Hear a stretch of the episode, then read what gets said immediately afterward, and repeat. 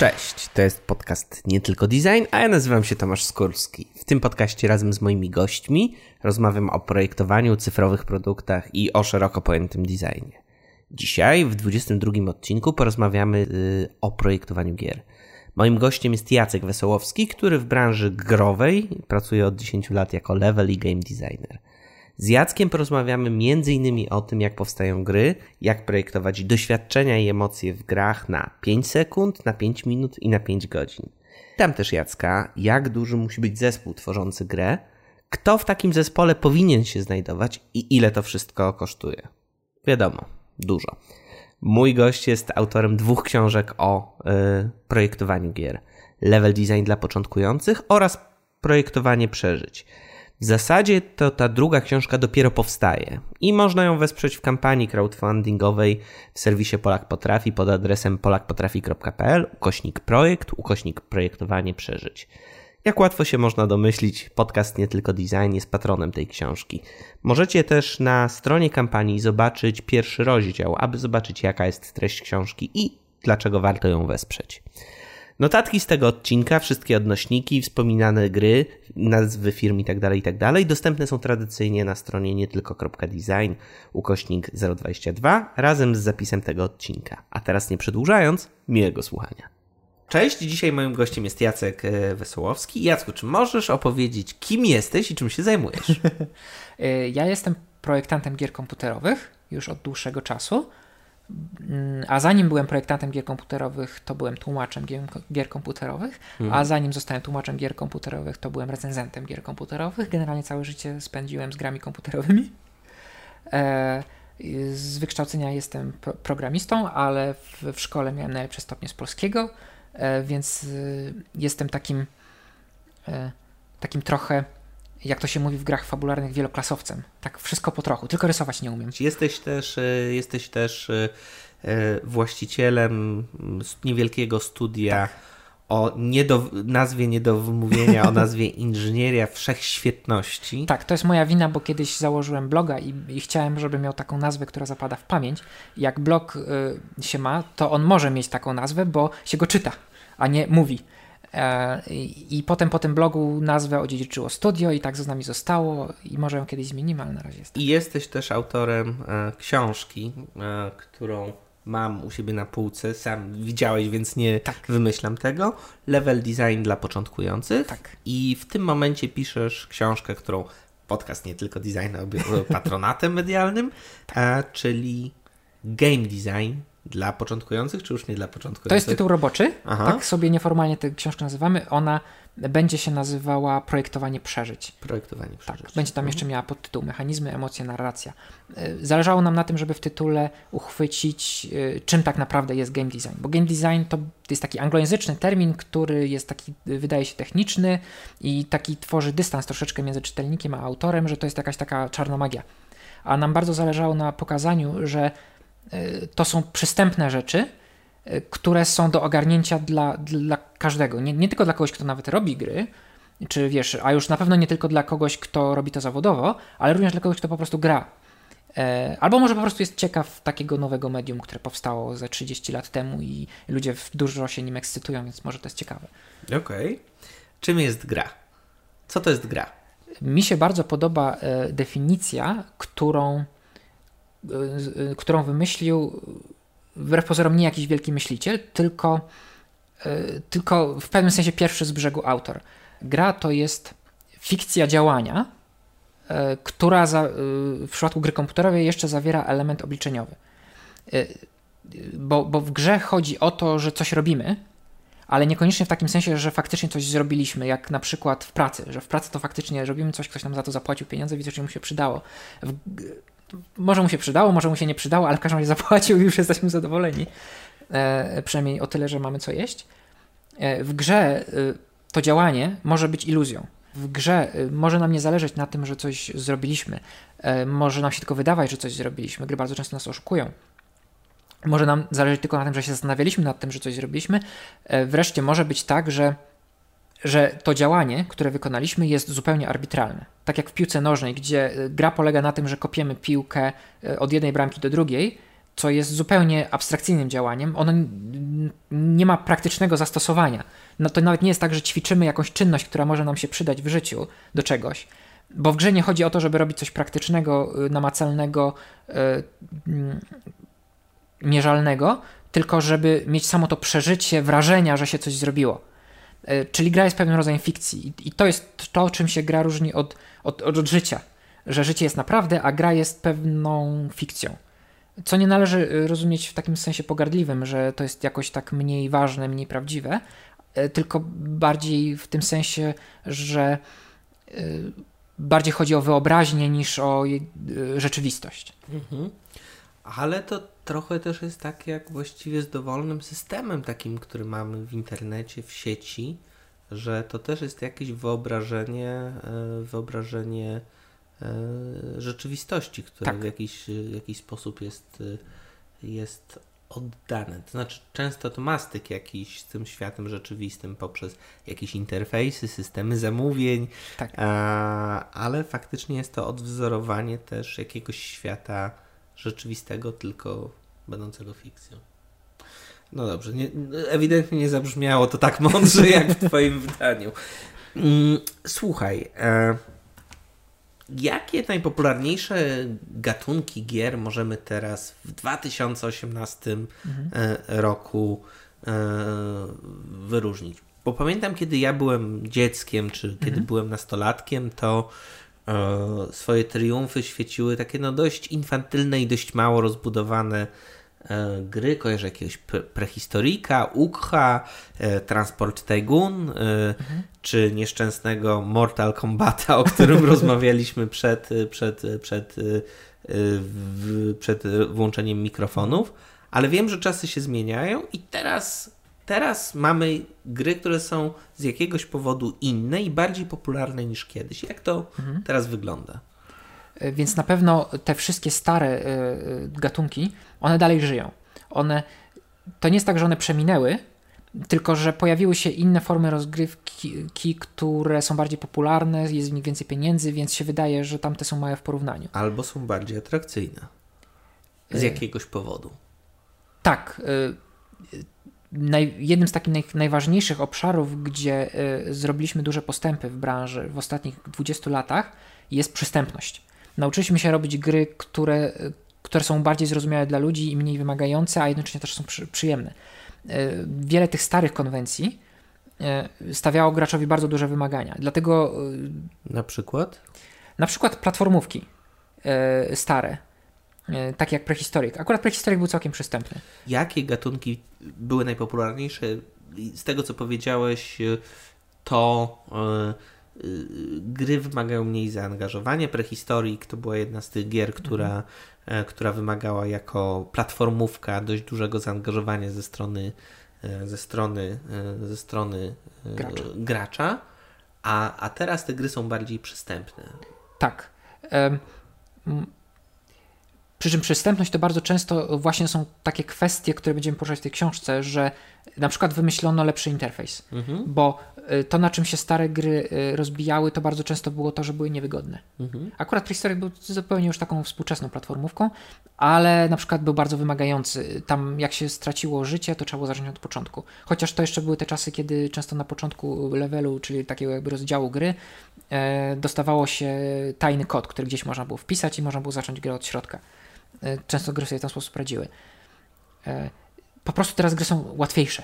Aha, łatw Albo, łatwiejsze do przejścia i do skończenia. Łatwiejsze w obsłudze Aha. i też często łatwiejsze do przejścia, bo po prostu jakby jako autorzy zdaliśmy sobie sprawę, że owszem, można stworzyć taką, są takie konwencje, to jest taka konwencja, która współcześnie nazywa się Mazokor, e, gdzie właśnie o to chodzi, żeby grała maksymalnie trudna i jest maksymalnie wtedy wszystko pod górkę, ale to jest dla bardzo niszowej grupy ludzi, którzy lubią być nękani przez grę, być gnębieni.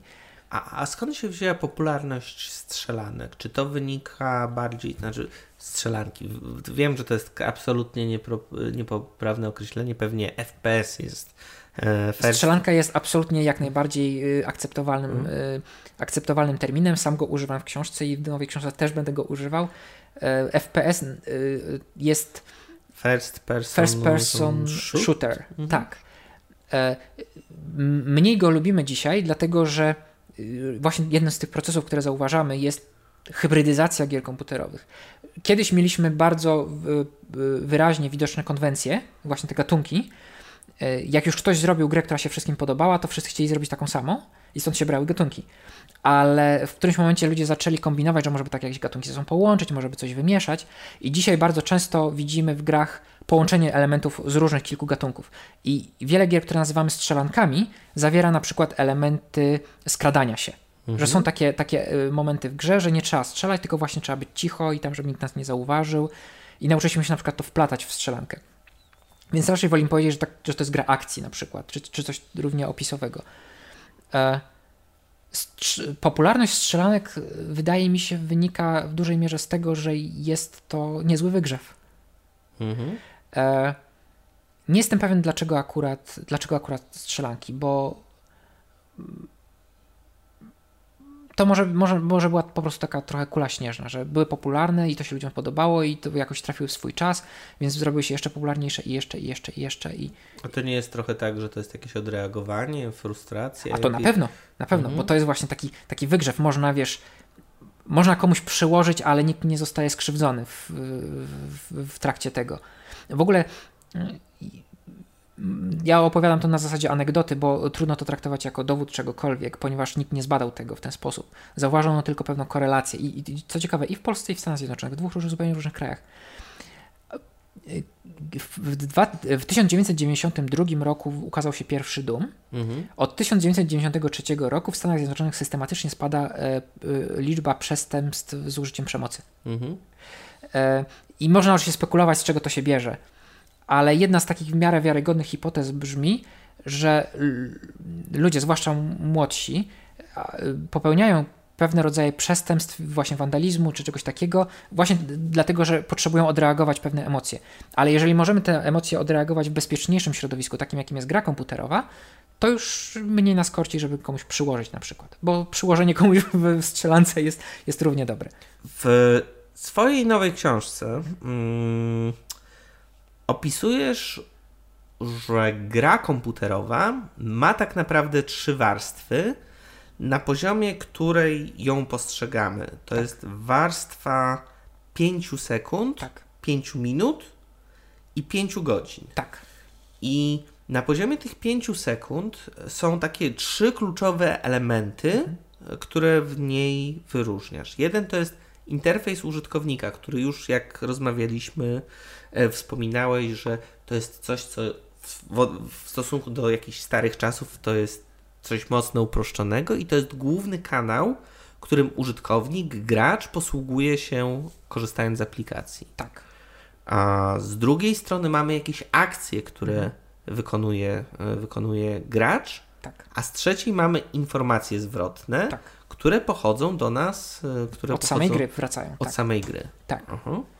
I zarówno akcji, jak i interfejs użytkownika. Zresztą cały diagram umieścimy w notatkach tak. do tego też odcinka na stronie nie tylko.design e, i numer tego odcinka. A, a z drugiej strony i akcje i interfejs użytkownika się różnią między sobą w zależności od tego, w jakim miejscu się znajdujemy. Czy dobrze interpretuję ten, e, ten diagram, czy nie do końca? Nie do końca. W jakim sensie się różnią? W sensie różnią się od siebie, czy, czy że się zmieniają? Zmieniają, zmieniają. Tak, tak. E, nie ma tak, y, że, że mamy w grze od razu wszystkie akcje dostępne, bo bardzo często w grach e, dodajemy po kolei akcje, żeby gracz się mógł ich e, stopniowo nauczyć. To jest jedna z rzeczy, które zresztą właśnie wymyślono przez ostatnie 20 lat, mhm. żeby nie, nie dawać od razu, nie rzucać gracza na głęboką wodę ze wszystkim, co może w tej grze zrobić, bo on wtedy nie będzie wiedział, która akcja do czego służy, tylko trzeba mu po kolei je dodawać, żeby jak już się oswoi z jedną, to żeby dostał następną.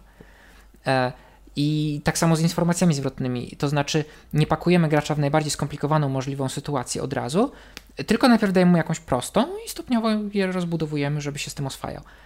I w związku z tym interfejs nie musi tego wszystkiego pokazywać od razu albo umożliwiać, bo jeszcze a nie daj Boże, gracz naciśnie przycisk, który wykonuje jedną z tych akcji, których mu jeszcze nie wyjaśniliśmy i, i może lepiej na przykład, żeby ten przycisk do tego czasu nie działał. Robi się takie rzeczy. Ale nie, nie, nie zawsze i nie wszędzie. Tak, nie zawsze i nie wszędzie, bo y, czasami po prostu gra nie jest na tyle skomplikowana, żeby tego potrzebowała. Okej. To właściwie, no, jakby tak podsumowując, Mhm. interfejs, akcje i feedback, informacje zwrotne, no to jest coś, coś pojawia się w każdym systemie i to jest podstawowy sposób interakcji z graczem. Tak, E, tak. Więc no tutaj nie ma jakiejś wielkiej magii, ale ciekawe rzeczy zaczynają się pojawiać na tej drugiej warstwie, czyli tej warstwie, kiedy operujemy z grą Mhm. w ciągu 5 minut. tak. I tutaj się pojawiają rzeczy, których już nie potrafię prosto wyjaśnić. To znaczy, tak naprawdę potrafię, bo czytałem Twoją poprzednią książkę, ale chciałbym, żebyś wyjaśnił to też Mhm. naszym słuchaczom. Czyli pojawiają się aktorzy, Mhm. pojawiają się rekwizyty, pojawiają się reguły, zachęty i dekoracje. Tak. Gracz w grze ma do czynienia z jakby trzema rodzajami rzeczy. Takimi, które po prostu są i na przykład pełnią funkcję ozdobną, i to są właśnie dekoracje. Na przykład jakaś fontanna. Na przykład fontanna może być dekoracją. E, niebo jest dekoracją, oświetlenie jest dekoracją. Te rzeczy nawet nie wpływają na rozgrywkę, to znaczy e, z punktu widzenia gry nie ma znaczenia, czy coś jest oświetlone na zielono, czy na niebiesko naj, naj, najczęściej. To jest wyłącznie kwestia estetyczna, dlatego to jest dekoracja. Są y, również rekwizyty, czyli rzeczy, które są pasywne. Y, na przykład gracz może podnieść coś z ziemi i może to rzucić przed siebie. Ta rzecz sama z siebie nic nie robi, ale gracz może wykonać na niej jakąś operację. Gracz albo aktor. Aktor to jest właśnie y, element gry, który jest nie, niezależny od gracza, działa poniekąd na własną rękę i może wykonywać y, swoje jakieś oddziaływania na innych elementach gry. Czyli to jest inna postać w grze. Może to być Rozumiem. inna postać, ale to może być w ogóle jakikolwiek element autonomiczny. Na przykład aktorem, w rozumieniu y, z punktu widzenia projektanta gry, są drzwi, jeżeli te drzwi same się zamykają. Mhm. Jeżeli naciśniesz przycisk, y, który jest rekwizytem, to otworzysz drzwi, ale te drzwi się za tobą same zamkną, to są aktorem. Okej. No, zaczyna się robić skomplikowanie. Tak. Ok- Okej, i to są dekoracje, tak? E, A, a, jak, a jak to wygląda z zachętami? Czym jest zachęta? Poza tym, że jest y, czymś, co się mieści w Warszawie. Gry generalnie polegają na tym, że się coś robi. Albo przynajmniej wydaje nam się, że coś się robi, bo e, gry są bardziej taką fikcją działania niż prawdziwym działaniem. Tak jak to określiliśmy kilka minut temu, próbując dotrzeć, czym jest definicja gry. Tak, tak. E, w związku z tym e, gracz jakby ma przeżycie związane z grą wtedy, kiedy coś robi, albo przynajmniej rozważa, żeby coś zrobić, bo bezczynność też jest szczególnym przypadkiem działania. Ale żeby gracz coś zrobił, albo chociaż zastanowił się, czy, czy, czy warto to zrobić, to trzeba go jakoś podpuścić do tego, że, że, żeby w ogóle mu to przyszło do głowy, bo sam z siebie nie wymyśli, bo, bo nie wie, co jest prawdą albo nieprawdą w tej grze. E, Każda gra to jest taka, taka e, rzeczywistość, która musi na nowo zdefiniować swoje, swoje zasady. Czyli trzeba graczowi jakoś dać do zrozumienia, że coś w tej grze można zrobić. I to właśnie jest zachęta. E, Nazywa się to zachętą właśnie dlatego, że to bardziej chodzi o to, żeby gracz miał świadomość, że ma taką a taką możliwość, niż żeby czuł przymus, żeby to zrobić. E, Szczególnym przypadkiem zachęty są tak zwane wyzwania. E, To jest pojęcie, które się przydaje w grach, które są konfrontacyjne z natury, na przykład w strzelankach. E, Wyzwaniem w strzelance jest to, że właśnie wyskoczył na nas przeciwnik i on próbuje nas zamordować, chyba że my go zamordujemy piersi. I to jest szczególny przypadek zachęty, ale nie jest to jedyna możliwość zachęty, bo możemy na przykład mieć grę, która polega na przechadzaniu się po, po świecie. Być może w tym świecie co jakiś czas wyskakuje z krzaków na nas jakiś przeciwnik, który nam grozi śmiercią, ale zasadniczo gra polega na przechadzaniu się po świecie i już sam fakt, że stoimy na przykład na szczycie wzgórza, z którego rozpościera się piękny widok i widzimy w oddali zamek, to jest zachęta, bo ten zamek nas zaciekawia przez to, że tam jest i my wtedy na przykład wpadniemy na pomysł, żeby tam pójść. I, i to również jest sposób angażowania gracza. Czy zamknięte drzwi są też zachętą? Mogą być zachętą, a mogą być czymś wręcz przeciwnym. Mhm. E, I tutaj poniekąd wracamy do tej warstwy pięciosekundowej, bo istotą rzeczy w, w myśleniu o grze w, w kategoriach 5 sekund jest to, że dajemy graczowi pewne rzeczy do zrozumienia w takim natychmiastowym trybie.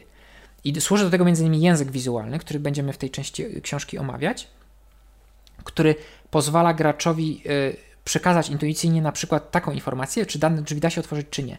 Jednym z moich ulubionych przykładów jest gra sprzed około 10 lat, która się nazywa Fear i była strzelanką i była trochę horrorem. I, I ja się, grając w tę grę po raz pierwszy w życiu, zorientowałem się w pewnym momencie, że doskonale wiem, w którą stronę mam iść. I dłuższą chwilę zastanawiałem się, co się dzieje. I w którymś momencie zauważyłem, że drzwi, które da się otworzyć, wszystkie drzwi, które da się w tej grze, otworzyć, są albo niebieskie, albo szare. Natomiast drzwi, których się nie da otworzyć, są zawsze czerwone. Zawsze czerwone. Mhm. Czyli, po, czyli kolorem zostało mi, jak to mówimy, zatelegrafowane, dane do zrozumienia, e, gdzie mogę pójść, a gdzie nie. E, czyli w warstwie 5 sekund bodziec wizualny, który działa natychmiast, e, daje mi informację, którą w tej warstwie 5-minutowej, którą jest przechadzanie się po levelu, e, która decyduje o tym, co mi się wydaje, że da się zrobić, a co nie. Czyli niebieskie, szare drzwi są zachętą do tego, żeby tam pójść, a czerwone drzwi są taką antyzachętą. Znaczy, one mi, one mi pozwalają szybko odfiltrować część informacji i wiedzieć, że na przykład tam nie mogę pójść, i w związku z tym moja liczba opcji jest ograniczona. I tak jak o tym też mówisz, to wydaje mi się, że te 5 minut, mhm. kiedy, kiedy, kiedy faktycznie te, to jest ten obszar, gdzie tak najbardziej budujesz te przeżycia i doświadczenia związane z, ze, swoją, ze swoją grą. Tak, to jest ten obszar, w którym projektant ma najwięcej do roboty i najwięcej może się wykazać. Okej, okay, ale o tym, czym robi i co robi projektant i czym się e, zajmuje, porozmawiamy jeszcze e, za chwilę.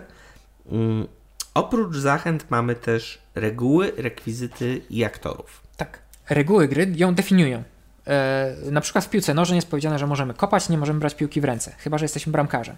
To jest pewna reguła i ona decyduje o tym, w jaki sposób gramy w piłkę nożną w tym wypadku. E, czyli, czyli reguły ustalają, co się w grze da zrobić, co się nie da zrobić i jakie są tego wyniki. Czyli na przykład, że możemy iść w lewo, możemy iść w prawo, możemy tak. przekucnąć i możemy podskoczyć. Podskoczyć, tak. Bardzo trywializując, ale. Ale to, jest dobry przykład. To, to, to, to, są jedne z reguł gry i jeszcze tak. możemy używać do tego strzałki albo joysticka. Tak. Nie wiem, czy jeszcze ktoś używa joysticka. Y, raczej joysticki zostały wyparte przez gamepady, które robią to wszystko, to co joystick i jeszcze parę innych rzeczy. Są takim y, ulepszeniem. A w sensie dlatego też, że się rzadziej psują w porównaniu do joysticków, bo pamiętam, że joysticki miały to do siebie, że bardzo łatwo można było je zepsuć. Tak, bo ta, ten drążek był bardzo długi i w związku z tym dużo się przykładało siłę wbrew pozorom. Mhm. Tak, a gałki są odporniejsze, bo są drobne, drobniejsze ruchy się nimi wykonuje. E, ale największą zaletą gamepada w porównaniu z joystickiem jest to, że joystick trzeba było postawić na blacie i siedzieć przy tym blacie. A z gamepadem można się w fotelu, na kanapie, na kanapie na można kanapie. się rozsiąść i to jest dużo wygodniejsze. Wracając do reguł i rekwizytów. Mhm. E, reguły tak. to, jest, to już o tym wspomnieliśmy. Tak. A rekwizyty i aktorzy. Aktor, a o aktorach też powiedziałeś, że to mogą być na przykład drzwi albo tak. postacie w grach, którym każemy na przykład coś zrobić albo rozmawiamy z nimi. Tak. A rekwizyty to są te ożywione bądź nieożywione obiekty, które pełnią lub nie jakąś rolę. Y, może inaczej. Czym się różnią rekwizyty od dekoracji? Rekwizyty od dekoracji różnią się tym, że rekwizyt podlega pewnym oddziaływaniom i może się zmieniać w czasie. Na przykład możesz go przesunąć. Mhm.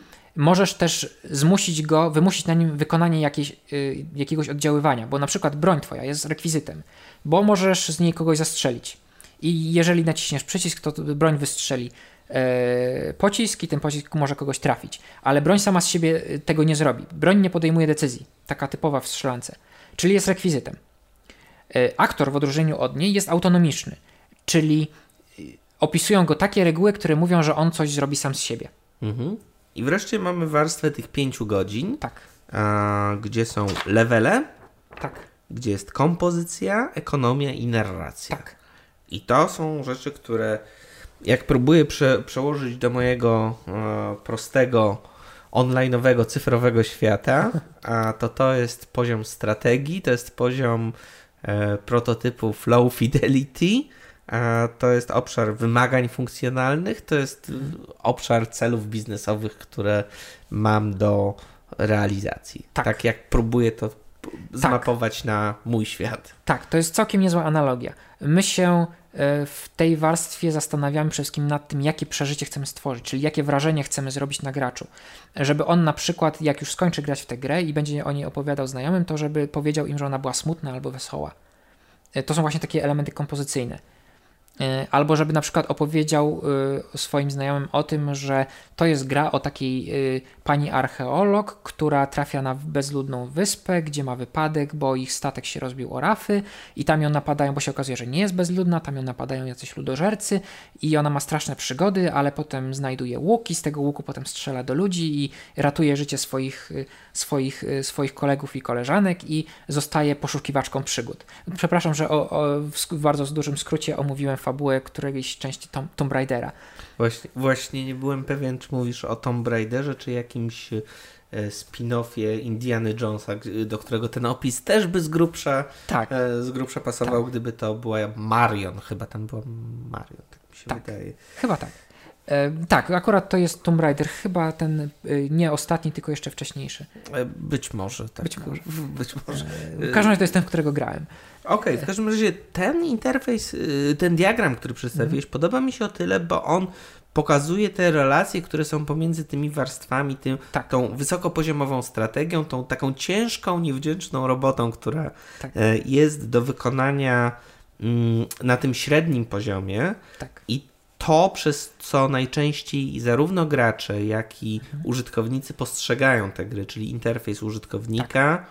prostota użycia, jakieś zrozumienie akcji, które trzeba wykonać i zrozumiałość bądź nie informacji zwrotne, które wracają do nas tak. z a, aplikacji. No, wyjątkowo to jest trudne i też trochę bardziej zaczynam rozumieć, dlaczego projektowanie gier komputerowych jest trochę trudniejsze niż robienie rzeczy Tak. Mi zależało bardzo na tym podzieleniu y, y, opisu gry na trzy warstwy, że e, Właśnie z jednej strony mamy tak, że te bardzo różne od siebie elementy, one na siebie wzajemnie oddziałują i musimy te oddziaływania rozumieć, żeby dobrze grę zaprojektować ale z drugiej strony można w pewnym sensie grę opowiedzieć trzy razy, bo można ją opowiedzieć w ten sposób. Nacisnąłem przycisk, pokazało mi się coś na ekranie, w związku z tym nacisnąłem inny przycisk, w związku z tym coś się przesunęło, w związku z tym zagrał jakiś dźwięk, w związku z tym znowu nacisnąłem jakiś przycisk. I tak można całą grę opowiedzieć. I to będzie w tej warstwie 5 sekund. Nie wiem, czy pamiętasz, ale tak z 10-15 lat temu były takie opisy gier, które wyjaśniały, jak konkretną grę, grę przejść. Tak. Że naciśnij przycisk, następnie podnieś kamyk, przenieś go do e, innego pokoju. Były. Dokładnie, dokładnie tak. I dokładnie tę samą grę można omówić właśnie w warstwie 5-minutowej na zasadzie, że e, zabij tego przeciwnika, przejdź przez te drzwi, podnieść, e, podnieść taki a taki przedmiot, włóż go do takiej a takiej skrytki, tam zabij następnego przeciwnika i tak dalej, i tak dalej. Albo można tę samą grę opowiedzieć w warstwie 5 godzin, mówiąc o tym, że spotkaliśmy taką a taką postać, ona nas gdzieś zaprowadziła, ale potem się okazało, że to była e, zdrajczyni i nas sprzedała jakimś zbrodziejom, więc musieliśmy się wydostać z więzienia. I opowiadam dokładnie tę samą grę, e, dokładnie te same wydarzenia, na trzy zupełnie różne sposoby, które wydają się nie mieć ze sobą nic wspólnego. I z jednej strony podzieliłem książkę na te trzy części, żeby na spokojnie, bez mieszania systemów walutowych, opowiedzieć o rzeczach, które są do siebie podobne i do siebie pasują, nie zawracając sobie głowy tymi innymi poziomami abstrakcji, a z drugiej strony po to, żeby móc pokazać, gdzie są te przełożenia. Mhm. Okej, okay. kilka razy wspomniałeś o książce, więc mhm. naturalne jest, że chwilę o niej porozmawiamy. Mm, projektowanie przeżyć to jest finalny czy roboczy tytuł? To jest finalny. Czyli game design dla to początku. Jest tytuł, ro... to, to, to, tytuł roboczy. Tytuł tak. roboczy, okej. Okay. Mm, dlaczego według Ciebie warto mieć tą książkę? Tę książkę? To jest książka o grach, dlatego mm-hmm. w tym wypadku mówimy o autorach gier. Jeżeli ktoś jest autorem gier albo chciałby zostać autorem gier, niekoniecznie zawodowym, bo w dzisiejszych czasach zdecydowana większość gier to są e, projekty hobbystyczne dla ludzi, którzy po prostu chcą coś wyrazić w takiej grze. Ja zresztą bardzo ludzi zachęcam do tego, żeby nie myśleli o grze jako przedsięwzięciu finansowym, bo to jest bardzo trudna rzecz, tylko żeby właśnie pomyśleli o tym jako o innym sposobie wyrażenia siebie. Jeden narysuje obrazek, ktoś inny napisze opowiadanie, ktoś inny może chcieć zrobić grę. I tym osobom ta książka przede wszystkim zaoszczędzi czas. Co mówię jako człowiek, który sam uczył się wszystkiego na własnych błędach, bo jak ja zaczynałem swoją karierę w branży growej, to nie bardzo było od kogo się nauczyć, przynajmniej tu w Polsce. Więc się wszystkiego uczyłem sam. I dzisiaj piszę tę książkę po to, żeby ludzie nie musieli popełniać tych wszystkich błędów i odkrywać wszystkiego na własną rękę, tylko żeby mogli o, o tym przeczytać i już mieć to z głowy. I to im zaoszczędzi tak mniej więcej dwa lata czasu, dwa lata nauki. E, przeczytanie książki zajmie może za dwa tygodnie, może za trzy, zależy jak, jakim tempie to będzie Chyba trochę przesadzasz, w sensie pamiętam ile e, ile energii musiałem poświęcić, żeby przeczytać pierwszą, e, pier, pierwszą Twoją książkę, Level, Level Design. E, to nie była aż tak prosta lektura, bo trzeba, bo nie pozwalał, nie pozwalało łatwo przejść do kolejnych, kolejnych rozdziałów, tylko wymagała myślenia, więc wiesz, tak. to jest z jednej strony to pewnie komplement dla ciebie, ale z drugiej strony... To oznacza, że ta, gra, ta książka, to oznacza, że ta książka jest mniej przystępna niż chciałem, bo ja chciałem, mhm. żeby ona była przystępna. I... Albo to ja jestem za głupi, jeszcze nie, nie, nie powinieneś wziąć to pod uwagę. E, co do zasady w myśleniu projektantów gier komputerowych jest taka zasada, nie ma czegoś takiego jak za głupi gracz. Okej. Okay. A Czyli kierujesz ją przede wszystkim dla ludzi, którzy chcą się czegoś nauczyć, chcą napisać prawdopodobnie własną grę, albo chcą zrozumieć, jak tę tą grę można stworzyć. Tak. E, nie tylko dla autorów, bo jakby najbardziej oczywistym odbiorcą tej książki jest, jest potencjalny autor, ale ja myślę, że ona się może przydać również e, ludziom, którzy grają w gry mają na myśli niekoniecznie każdego gracza jak leci, bo y, nie chciałbym ludziom odbierać przyjemności z łupania cały dzień w Counter-Strike'a, w którego łupią tego jednego Counter-Strike'a i go bardzo lubią, ale poza tym niekoniecznie jakieś inne gry ich interesują. Sam przez dwa lata studiów łupałem cały czas w Counter-Strike'a i bardzo miło to wspominam. E, e, ale myślę o takich ludziach, którzy, e, którzy które generalnie interesują gry i że grają w różne rzeczy, zwłaszcza jeżeli grają w takie bardziej gry typu indie, jak to się mówi, czyli takie bardziej eksperymentalne, bardziej awangardowe, one zwykle są bardziej wymagające wobec e, odbiorcy i wtedy przydaje się mieć aparat pojęciowy. Gry indie, to jeszcze mhm. wyjaśnimy części naszych słuchaczy, to są gry tworzone przez małe, niezależne studia, tak. bez wielkich budżetów, najczęściej napędzane pasją twórców bądź twórcy, tak. którzy, którzy je robią. Tak. Czasem też nazywają indykami, prawda? Tak, tak to tak się po polsku czasami mm. spolszcza. Tak. E, y, jest zresztą bardzo długi, długi, duży spór, co to znaczy, że ktoś jest indie, ale w największym skrócie można powiedzieć, że to jest taki ktoś, kto nie potrzebuje, żeby ktoś mu dał pieniądze na jego grę. Czyli to musi być bardzo skromna gra w rezultacie. Wiesz co, ja patrząc jeszcze na spis treści twojej nowej książki, znając pierwszą książkę, którą napisałeś i czytając pierwszy rozdział, jestem też przekonany, że ta książka dość dobrze opowie projektantom user experience, ludziom, którzy tworzą cyfrowe produkty, cyfrowe aplikacje, co to tak naprawdę znaczy tworzyć cyfrowy produkt. Mimo, że to tutaj się odnosisz w wielu miejscach, y, y, w wielu miejscach y, do gier, to mm, znacząca część e, tych informacji jest bardzo łatwo przenaszalna i bardzo łatwo y, można to zastosować do robienia nawet takich rozwiązań jak serwis, serwis dopuszczenia muzyki, czy, y, czy y, nawet serwis e-commerce. Więc, więc, więc tutaj wydaje mi się, że to jest być może ta trzecia grupa, w której, do której mimowolnie adresujesz swoją, E, swoją, swoją książkę. Mam taką nadzieję. Okej. Okay. E, przejdźmy do praktycznego mhm. pytania. Gdzie będzie można na, nabyć tą książkę? Będzie można e, ją kupić w przedsprzedaży, czyli w naszej kampanii crowdfundingowej na, na Polak Potrafi. Link do kampanii znaj znajdzie się na, w notatkach do tego odcinka. I tam można ją będzie kupić taniej niż ona będzie potem, e, potem będzie w kramiku. I my mamy też swój kramik e, naszego studia. Czyli mówiąc po polsku sklep online, gdzie sklep można, online, tak. Gdzie, tak, można, tak. gdzie można to też, e, gdzie można to też tak. kupić. Podobnie jak e-book, e-book z, pierwsze, z, pie, tak, pierwszego e-book wydania. i papier też. Czy możesz powiedzieć, ile będzie kosztować, ile będzie kosztować e-book, a ile mhm. wersja papierowa? Wstępnie za zakładamy, że to będzie tak samo jak w, w poprzedniej książce, czyli e-book będziemy sprzedawać za 40 zł, mhm. a wersję papierową za 80. Mhm. Ale y, planujemy mieć w crowdfundingu cel dodatkowy, że jeżeli zbierzemy wystarczająco dużo, e, dużo środków na, na, na stworzenie tej książki, to wtedy obniżymy obie ceny o 10 zł. Bo oczywiście zależy nam na tym, żeby ta książka była możliwie przystępna. A słuchaj, no nie mogę nie zapytać, mhm. bo to jest natura naturalne pytanie, które zawsze się pojawia. Czemu tak drogo? Dlatego, że y, to jest książka specjalistyczna. Mhm. Y, zasadniczo dwa najważniejsze y, składniki kosztu robienia takiej książki to jest samo stworzenie jej, że ktoś ją musi napisać, że ktoś ją musi złożyć, że dorobić do niej ilustracji, bo oczywiście ta książka będzie ilustrowana, e, że musi być korekta, musi być skład książki, czyli układ jej graficzny musi być dobrany.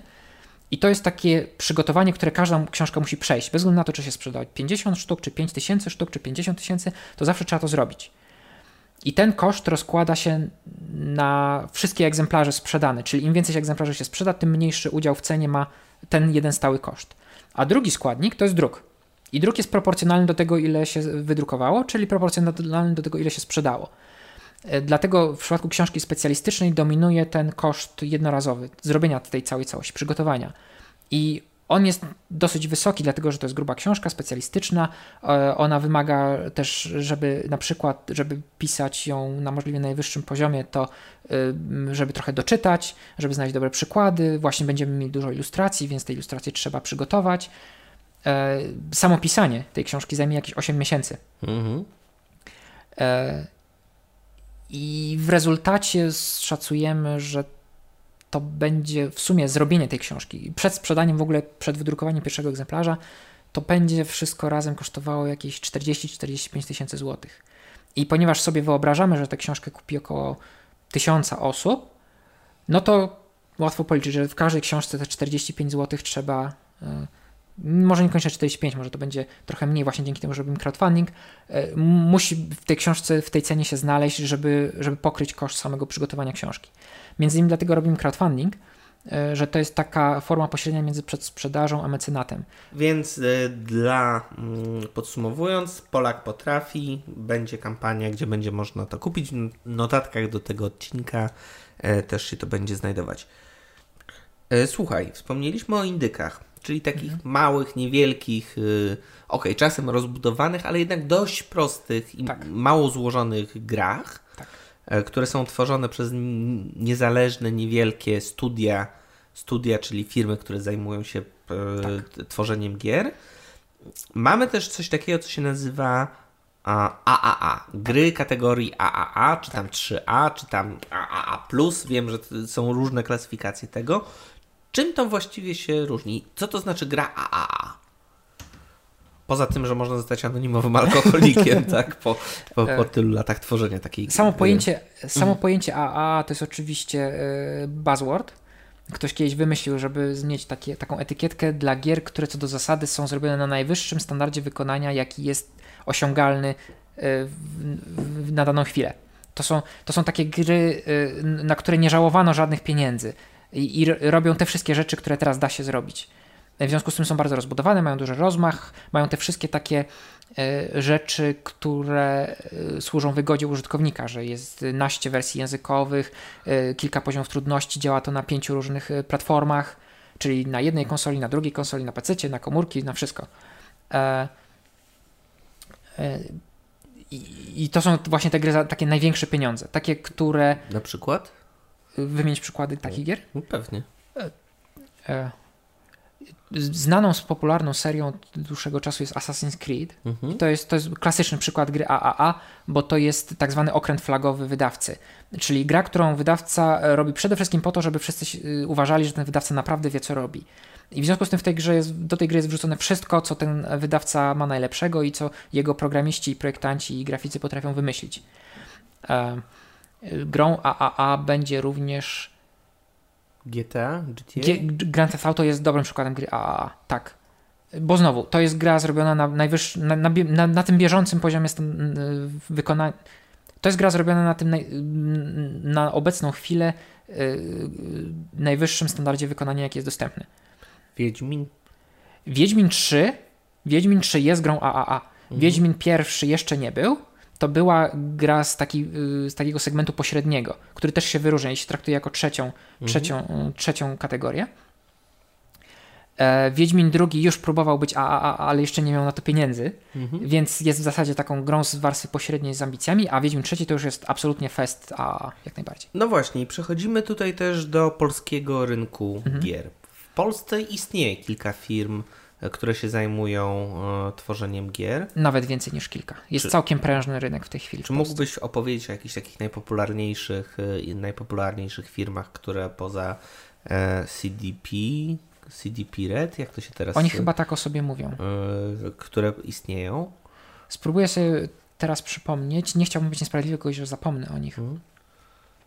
Jest właśnie CD Projekt Red, to, jest, to są autorzy Wiedźmina, siedzą w Warszawie.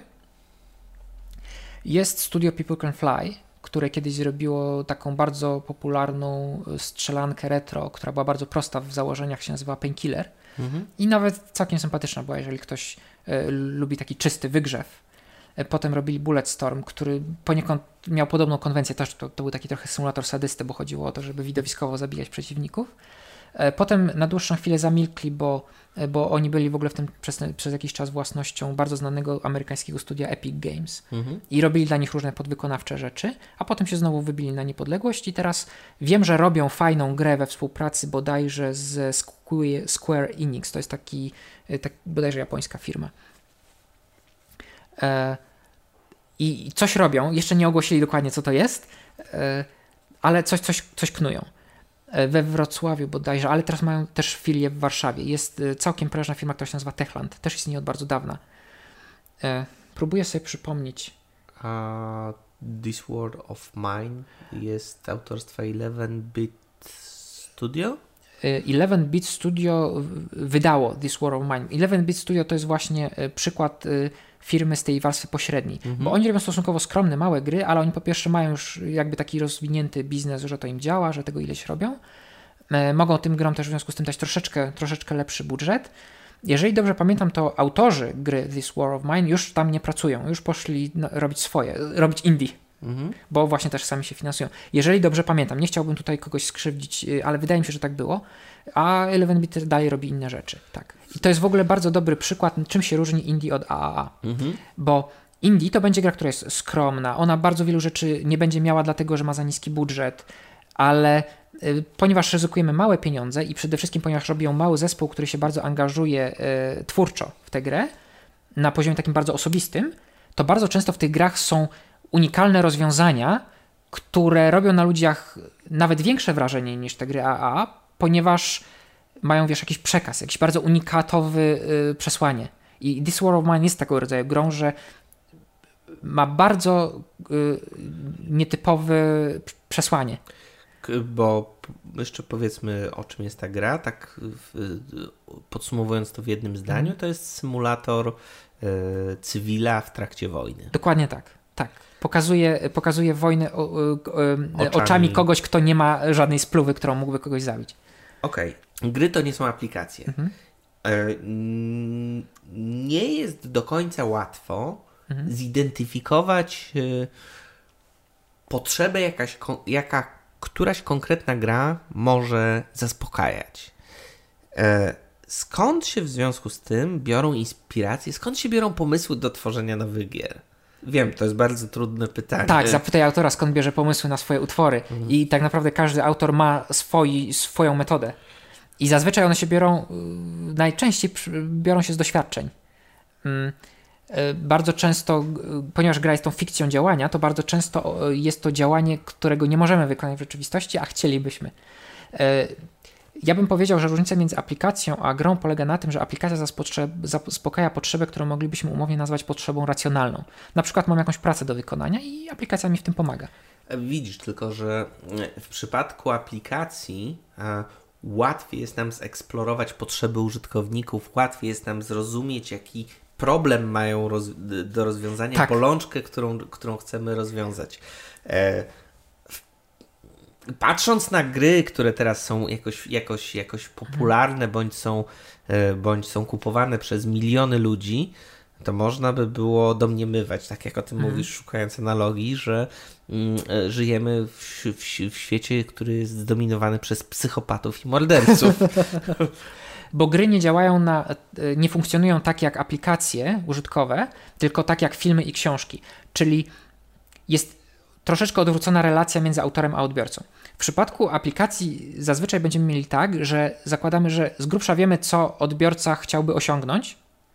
Na przykład wiemy, że chce e, przygotować e, tabelkę, w której sobie policzy swoje wydatki i przychody i ktoś będzie do tego używał arkusza kalkulacyjnego. Zakładamy, że e, odbiorca wie, co chce zrobić I staramy się stworzyć taką aplikację, która pozwoli mu to zrobić wygodnie i możliwie będzie uwzględniać wszystko to, co może odbiorcy przyjść do głowy.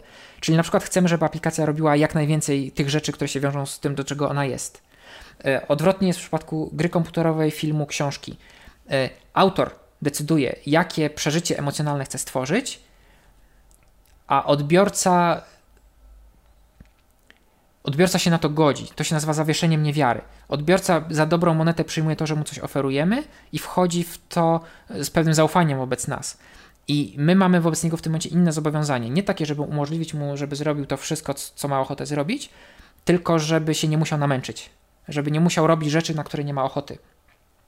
Czyli yy, na przykład w, w tym momencie gra musi być jak najprostsza, nie ma, jak, nie ma mieć jak najbardziej rozbudowanej funkcjonalności, tylko właśnie jak najbardziej okrojono do tego, co jest naprawdę potrzebne w tej grze. To mnie prowokuje, żeby zadać kolejne pytanie. Mhm. A w jaki sposób przekonać gracza, mhm. aby uwierzył i wszedł w świat wyobrażony przez autora? E Poza tym, że oczywiście tak. odpowiedzi na to znajdziemy w książce. Tak, znajdziemy na to odpowiedzi w książce, ale to jest bardzo dobre pytanie, e, które zresztą spędza sens powiek e, projektantom, ponieważ w pewnym sensie e, w momencie, kiedy gracz po raz pierwszy odpala naszą grę, to zaciągamy u niego kredyt, ponieważ on troszeczkę na wiarę przyjął, że ta gra go zainteresuje, on tak naprawdę nie ma powodu, żeby tak uważać, tylko na przykład spodobała mu się reklama tej gry albo obrazek tytułowy i to był ten taki pierwszy kop. Ale tego pierwszego kopa starcza na, na krótko, na 5 sekund, 15 sekund, 5 minut czasami i my mamy te, właśnie ten niewielki kawałek czasu na to, żeby jakąś przynętę e, przynętę w, w, jego kierunku rzucić, żeby on chciał chwycić tę przynętę. I, I to polega z reguły na dokładnie tym samym, co w, w książce czy, czy, w, czy w filmie. Najłatwiej to jest prześledzić na tym, jak jest skonstruowany klasyczny gazetowy felieton. W gazetowym felietonie masz, e, masz pierwszy krótki akapit, który e, de facto streszcza cały felieton i mówi ci o czym to będzie. Jeżeli uznasz, że to jest ciekawe, to przeczytasz całą resztę. E, takim już kompletnym wynaturzeniem tego jest clickbait, czyli nagłówek, który nam sugeruje jakąś zagadkę czy sensację, która jest ukryta w artykule, żebyśmy go kliknęli. I tego rodzaju przynętę trzeba stworzyć w grze. Nie ma na to, wiesz, wzoru, recepty, bo, bo to właśnie bardzo zależy od zamysłu autora. To jest ta część twórcza całego procesu. E, a, ale jeżeli mielibyśmy tak sprowadzić to do takich kwestii technicznych, to się sprowadza do stworzenia właśnie pierwszej zachęty. E, czyli zasugerowania graczowi, jaką, jakie wrażenia będzie miał, jeżeli coś zrobi, na przykład jakiego rodzaju emocje ta gra oferuje, i zasugerowania mu, co musi zrobić, żeby te nagrody dostać. A z tego, co mówisz też i z tego, z tego co rozmawialiśmy trochę przed wejściem mhm. na antenę, to kluczowe jest, tak jak rozumiem, zbudowanie też takiego pierwszego doświadczenia, pierwszego sposobu obcowania z Twoją tak. aplikacją w taki sposób, aby te 5 sekund, 10 sekund również przy użyciu akcji, interfejsu a, i tego, w jaki sposób y, aplika- y, gra komunikuje tak. się z nami, w dłuższe doświadczenie i w dłuższą przygodę, interakcję. Tak, tak. Bardzo wielu graczy się wykłada, znaczy wykłada, z naszego punktu widzenia się wykładają, bo przestają grać. Z ich punktu widzenia to jest oszczędność czasu. A, ale odpadają od gry właśnie na przykład dlatego, że zobaczyli interfejs, ten pierwszy ekran tytułowy i nie wiedzieli, co kliknąć. E, albo na przykład. Ale wiesz, że my też mamy takie problemy bardzo często. Przy nam jest o tyle łatwiej, że przez te lata zostało wybudowany e, mnóstwo pewnych wzorców, pewnych, e, pewnych, pewnych patternów, które możemy użyć jako analogię, analogię, że wiesz, że przyciski zawsze są bardziej podświetlone, mają mhm. konkretne kolory. Tak. Symbole, takie jak na przykład krzyżyk, służą do zamykania okien, tak. Znaki zapytania są jak zazwyczaj jakimiś hintami, tak. ikonki z literką i tak dalej, i tak dalej, i tak, tak, tak dalej. Tak. I ta symbolika wydaje mi się, że w świecie aplikacji, w świecie stron internetowych jest jednak dużo, dużo, dużo bardziej skodyfikowana niż w przypadku gier. Tak, dlatego że w grach na pierwszym miejscu nie leży yy, wygoda, tylko wrażenie. które próbujesz stworzyć. W związku z tym interfejs jest podporządkowany temu, żeby od razu sprzedać graczowi jakiś nastrój. E, ale konwencje też są i to najlepiej widać na konsolach, bo jak się używa e, gamepada, to tam między innymi w typowym gamepadzie oprócz gałek e, po prawej stronie takiego gamepada zwykle są cztery przyciski oznaczone symbolami. Mhm. I zależnie od tego jaka to jest konsola, to tam mogą być albo literki, albo yy, znaczki takie geometryczne. Chyba na Xboxach są te znaczki. Na Xboxach są literki. A, okay. A, B, X, Y, a na PlayStation jest trójkącik, kwadracik, kółko i krzyżyk. I, i nie pamiętam, żebym nie pomylił, ale na Xboxie B zawsze służy do wycofywania się z menusów, a A służy do potwierdzania. Czyli accept i back prawdopodobnie. Tak, tak, tak, coś w tym stylu, tak. Możliwe nawet, że tak, taka była pier pierwotna metafora, tak. Więc takie konwencje są, ale jednocześnie nałożone jest na to od razu to, żeby już, już kształtem ikon, już kształtem interfejsu sprzedawać wrażenie. To jest taki, to jest taki, taki troszeczkę e, taki trade-off, taki dylemat, który mamy cały czas do rozstrzygnięcia. Czy to ma być właśnie bardziej przystępne, czy bardziej już, już, już wciągać gracza w ten magiczny świat, nasz magiczny krąg, jak to mówimy, naszej gry. E, bardzo często w grach w ogóle interfejs jest specjalnie zaciemniony. Dlatego, że interfejs mówi graczowi, co się da zrobić, a czasami nie chcemy graczowi dawać jasno do zrozumienia, że coś się łatwo da zrobić. E, szukam teraz dobrego przykładu. Była kiedyś taka gra strategiczna czasu rzeczywistego, czasu rzeczywistego, czyli dziejąca się na żywo, bez, bez, bez żadnej przerwy. Trzeba było na żywo e, decydować, co zrobić. I paskudne orki mogły ciebie w danym momencie atakować, natychmiast mogły cię zabić. Tak, tak. I trzeba było szybko coś na to poradzić. I mogły cię zaatakować z dwóch stron i wtedy trzeba było mieć podzielność uwagi. Gra, o której akurat myślę działa się w kosmosie i nie miała orków i nazywała się StarCraft. Mhm. I tam interfejs narzucał graczowi takie ograniczenie, że jeżeli chciał wydać jakiś rozkaz y, swoim żołnierzom, i chciał ich zaznaczyć grupowo, żeby całej grupie wydać cały rozkaz od razu, yy, od razu wspólny, to mógł zaznaczyć maksymalnie 12 jednostek. Nie 10, nie 20, 12. W bardzo wielu grach podobnego rodzaju, wydanych w tym samym czasie, można zaznaczyć tyle jednostek, ile się chce. A w StarCraftie było ograniczenie, że do 12. I to już wpływa na sposób, w jaki się gra w grę. Bo w tych grach, gdzie można było yy, zaznaczyć, ile się chciało, to była zachęta do tego, żeby swoją armię traktować jak, taki, jak taką, taką taką ciemną masę, taką hordę, którą po prostu gdzieś popychamy w jedno miejsce. A StarCraft wymuszał na nas, przez to, że maksymalnie 12 jednostek było w jednym oddziale, na, na, wymuszał na nas myślenie w kategoriach oddziałów. Jeżeli miałem na przykład 24 samoloty, co mi się często zdarzało, bo tam była taka frakcja, która miała bardzo fajne samoloty, ich często miałem 24, to musiałem je podzielić na dwie grupy, a to już na mnie wymuszało, żeby na przykład działać na dwóch kierunkach, atakować z dwóch stron, robić dwie rzeczy naraz i tak dalej. Interfejs mnie prowadził. I bardzo często w grach specjalnie robimy nie tak dobry interfejs, jakby się dało, po to, żeby prowadzić wrażenia gracza w określonym kierunku. Albo żeby utrudniać wykonywanie konkretnych akcji. Tak. Podobnie jak tworzenie mm, aplikacji, mhm. stron internetowych, tworzenie gier to jest raczej sport zespołowy. Tak, zdecydowanie. A kto jest według Ciebie potrzebny w procesie tym twórczym mhm. wytwarzania, e, wytwarzania gry. Więc osobą absolutnie niezbędną w każdej grze jest projektant. Projektant odpowi właśnie odpowiada za to, co jest sednem gry, czyli to, co się w niej robi, albo nam się wydaje, że, że robimy. I projektant jest nazywany też designerem. Tak. Ale to nie jest ktoś, kto jest bezpośrednio odpowiedzialny za y, obrazki, bardzo trywializując, mhm tylko za, jest raczej rodzajem takiego architekta. Tak, tak. Trochę. Stwórcy. Tak, tak. Y, bo faktycznie y, stwórca to jest dobre słowo, nawet jeżeli się nam kojarzy trochę religijnie, dlatego że faktycznie y, gra to jest taka trochę osobna rzeczywistość, która ma swoją własną. Trochę boję się słowa fizyka, bo to nie chodzi tylko o reguły czysto fizyczne, że coś się przesuwa albo spada, ale wręcz taką fizykę kwantową na zasadzie, że pewne rzeczy wynikają z innych rzeczy. Można grę opisać jako taki zbiór aksjomatów, rzeczy, które są w niej prawdą. E, I to są właśnie reguły gry, swoją drogą.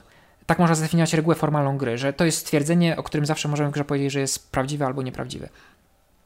I projektant jest tą osobą, która e, cały ten, ten, ten, ten twór, ten, ten zbiór reguł ustala i to jest jego zasadnicze, zasadnicze, zasadnicze zadanie. I bez tego nie ma gry, w związku z tym bez projektanta nie ma gry. E, ale dopóki to jest tylko wymyślone, to jeszcze nie ma gry. To jest dopiero idea gry.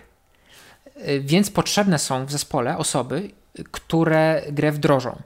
I pierwszą rzeczą, którą y, trzeba zrobić w grze, to sformalizować te wszystkie reguły, tak, żeby komputer to zrozumiał. Skoro gramy w grę na komputerze, to, to, to musimy zrobić tak, żeby komputer rozumiał. Czyli trzeba napisać kawałek programu komputerowego, który będzie y, te reguły wyrażał właśnie w takiej postaci zrozumiałej dla komputera. I, I formalnie powiemy, że to już nie robi projektant, tylko programista, ale zwłaszcza w małych zespołach to bardzo często jest ta sama osoba, tylko można powiedzieć, że zakłada inną czapkę na ten, na ten moment. I ja zresztą, zresztą bardzo gorąco polecam każdemu, kto chciałby zrobić grę, żeby się troszeczkę nauczył programować. Nie trzeba być dobrym programistą. Ja w życiu widziałem e, dużo gier od środka. Ja kiedyś pracowałem w firmie, która wykonywała przeróbki gier z, właśnie z PC na konsolę albo z konsoli na PC, w związku z tym widziałem też dużo cudzych gier od środka i absolutnie każdemu gwarantuję, że można zrobić dobrą grę, będąc absolutnie fatalnym programistą. Ale to jest też bardzo ciekawa obserwacja, bo część kodu, który, a, który widzisz też w aplikacjach, które mhm. powstają, no, to nie są wyrafinowane algorytmy bąbelkowe czy jakieś e, sposoby sortowania w oparciu o B3, tylko zwy, zwyczaj miliony ifów, które wiesz, w pętlach jakiś tak. poganiają tak. po sobie. Więc, tak. Więc, więc tak. Mamy też podobne obserwacje co do tego. Tak, o tyle to polecam, że jak możemy sobie sami napisać program, choćby on nawet był słaby, byle robił to, co ma robić, mhm. to zrobimy to od razu. A jak mamy komuś wytłumaczyć, co potrzebujemy, że ten program robił, to wszystko będzie zabierało dużo więcej czasu wtedy. A czym się zajmują programiści? Mhm. E, programiści? Bo poza tym, że e, odpowiadają za pisanie kawałków, e, oprogramowanie kawałków kodu, czy zajmują się na przykład fizyką, y, fizyką poszczególnych y, gier, czy odpowiadają za sztuczną inteligencję. Y, jak, jak, na czym polega tak naprawdę to pisanie kawałku oprogramowania? Jakiego typu programistów gier możemy wyróżnić? Możemy w bardzo dużym uproszczeniu wyróżnić, e, żebym teraz kogoś nie pominął, możemy wyróżnić techowców. Mhm. Zaraz powiem, co to jest. Możemy wyróżnić techowców, możemy wyróżnić gameplayowców, AI-owców, e, UI-owców i narzędziowców. Poczekaj, to tak, zacznijmy od najprostszych rzeczy. UI-owców, czyli to są ludzie, którzy są odpowiedzialni za e, od pro, strony programistycznej za wyświetlanie i mm, serwowanie w odpowiedni sposób bez błędów interfejsu do gier. Tak, tak.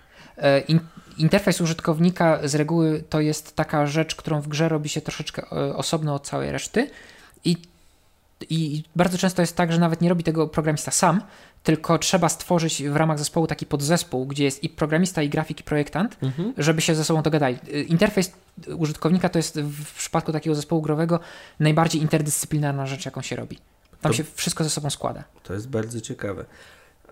I nie ubijam ci tego tematu, mhm. tylko ciekawi mnie, co jeszcze się dzieje. Co jeszcze się dzieje. AI-owcy to są, y, to są y, programiści odpowiedzialni za y, sztuczną inteligencję w grze. Tak. Przy czym w przypadku gier komputerowych bardzo często jest tak, że ta sztuczna inteligencja już jest gotowa, dlatego że my mamy taki cudowny wynalazek, który nazywamy engine'em. Engine to jest silnikiem. Silnik. Tak się czasami mówi, silnik, napęd. Tak. E, e, I to jest taki pakiet oprogramowania, który robi te rzeczy, które dla 99% gier są wspólne. I tam zwykle jest też kawałek, który odpowiada za sztuczną inteligencję, e, który robi takie naj, najbardziej podstawowe rzeczy, na przykład to, że postać, jeżeli każemy jej pójść z punktu A do punktu B, to nie potknie się o stół, e, nie zgubi się, tylko dojdzie. Czyli tak zwana nawigacja. I to już jest gotowe. I zwykle programista od sztucznej inteligencji nie musi tego robić. Mm, jakich jeszcze programistów mamy na pokładzie? E, jeszcze wspomniałem o techowcach. E, techowcy robią te takie rzeczy, które też bardzo często już engine robi, ale on je może robić w inny sposób niż my potrzebujemy. Na przykład fizyka, fizyka, czyli grawitacja, tarcie, tego typu rzeczy już zwykle jest dana. Kolizje, czyli to, że jesteśmy w stanie nie, nie przejść ręką przez, przez ścianę, tylko, tylko się na nie zatrzymujemy. E, oświetlenie też jest tą częścią, która zwykle jest jakoś tam zrobiona, ale bardzo często się okazuje, że potrzebujemy coś zrobić troszeczkę inaczej. Na przykład jak robiliśmy Bulletstorm e, kilka lat temu, to tam wykorzystaliśmy te rzeczy, które już były zrobione w silniku, ale mieliśmy taką dodatkową, dodatkową nie pamiętam czy to był broń czy gadżet, który miał taką cechę, że jak się trafiło w jakieś miejsce, to w promieniu tam kilku metrów od tego miejsca e, nie obowiązywała, e, przepraszam, obowiązywała grawitacja, ale wszystko działo się w zwolnionym tempie. Mhm. I ponieważ to autorzy silnika nie wpadli na to, żeby coś takiego zrobić, to nasz programista techowy dopisał coś takiego, że w tym jednym miejscu tylko czas biegł wolniej niż wszędzie indziej. Co nie było takie wcale proste, jak się mówi, dlatego że na przykład, jeżeli coś w swoim normalnym tempie wpadło w tą część, gdzie jest E, wszystko w swoim tempie, to musiała zwolnić. Staram się znaleźć analogię i staram się znaleźć grę, w którą grałem z 15-20 lat temu, która oferowała coś takiego, bo pamiętam tego typu akcję, ale nie jestem tego w stanie sk skorelować z grą. Tak. Mm, Okej. Okay. Mm. O, jeszcze mam przykład. Co robi techowiec? Mm? To jest bardzo częsta rzecz. E, bardzo często chcemy, żeby gra wyglądała w jakiś określony sposób. E, na przykład, żeby było bardzo kontrastowe światło, albo żeby postacie wyglądały jak z kreskówki, albo żeby y, obraz przypominał, y, y, obraz na ekranie przypominał obraz malowany pędzlem. E, co oznacza, że zwykle musimy pogrzebać w, w tej części engine'u, która odpowiada za oświetlenie. Mhm. To, to zwykle się wiąże z tym, jak, jak przetwarzamy światło. E, I to na przykład też zrobi techowiec, dlatego że to jest ciężka matematyka. I oczywiście są na to wzory, można sobie kupić książkę, gdzie to wszystko jest opisane, albo ściągnąć z internetu. Nie chcę powiedzieć, że tutaj trzeba być matematykiem, żeby to wszystko wynaleźć od zera, bo oczywiście ludzie się dzielą też doświadczeniem, ale trzeba być dobrym, e, dobrym programistą techowym, żeby to jeszcze działało szybko. Okej. Okay. A dobra, mamy już programistów, tak. mamy już y, designera, którego będę roboczo nazywał, nazywał stwórcą. Mamy artystów. Tak. Ar artyści, jak rozumiem, zajmują się artystowaniem, e... E, czyli tak naprawdę tworzeniem. Są artystami. Tak. E, znaczy, y, przyjęło się tak z, trochę z języka angielskiego, że, bo w języku angielskim jest taki, e, y, taki uzus, że artyst oznacza konkretnie osobę zajmującą się grafiką. I, i trochę to tu u, u, nas też tak przenika, ale warto przy okazji wspomnieć, że gra to jest nie tylko grafika, to jest również dźwięk i tekst. Możemy ich o tyle mhm. potraktować zbiorczo, że oni wszyscy zajmują się dostarczaniem treści do gry. Bo y, te wszystkie reguły, o których wcześniej wspomnieliśmy, można traktować troszkę abstrakcyjnie. I faktycznie, jak się grę robi, to ona bardzo długo nie wygląda tak, jak ma wyglądać docelowo, tylko postać, która jest pudełkiem, szarym pudełkiem, przemieszcza się bez przebierania nogami, których nie ma, po planszy, która jest zrobiona e, z bardzo prostych kształtów, e, obciągniętych taką teksturą w kratkę charakterystyczną.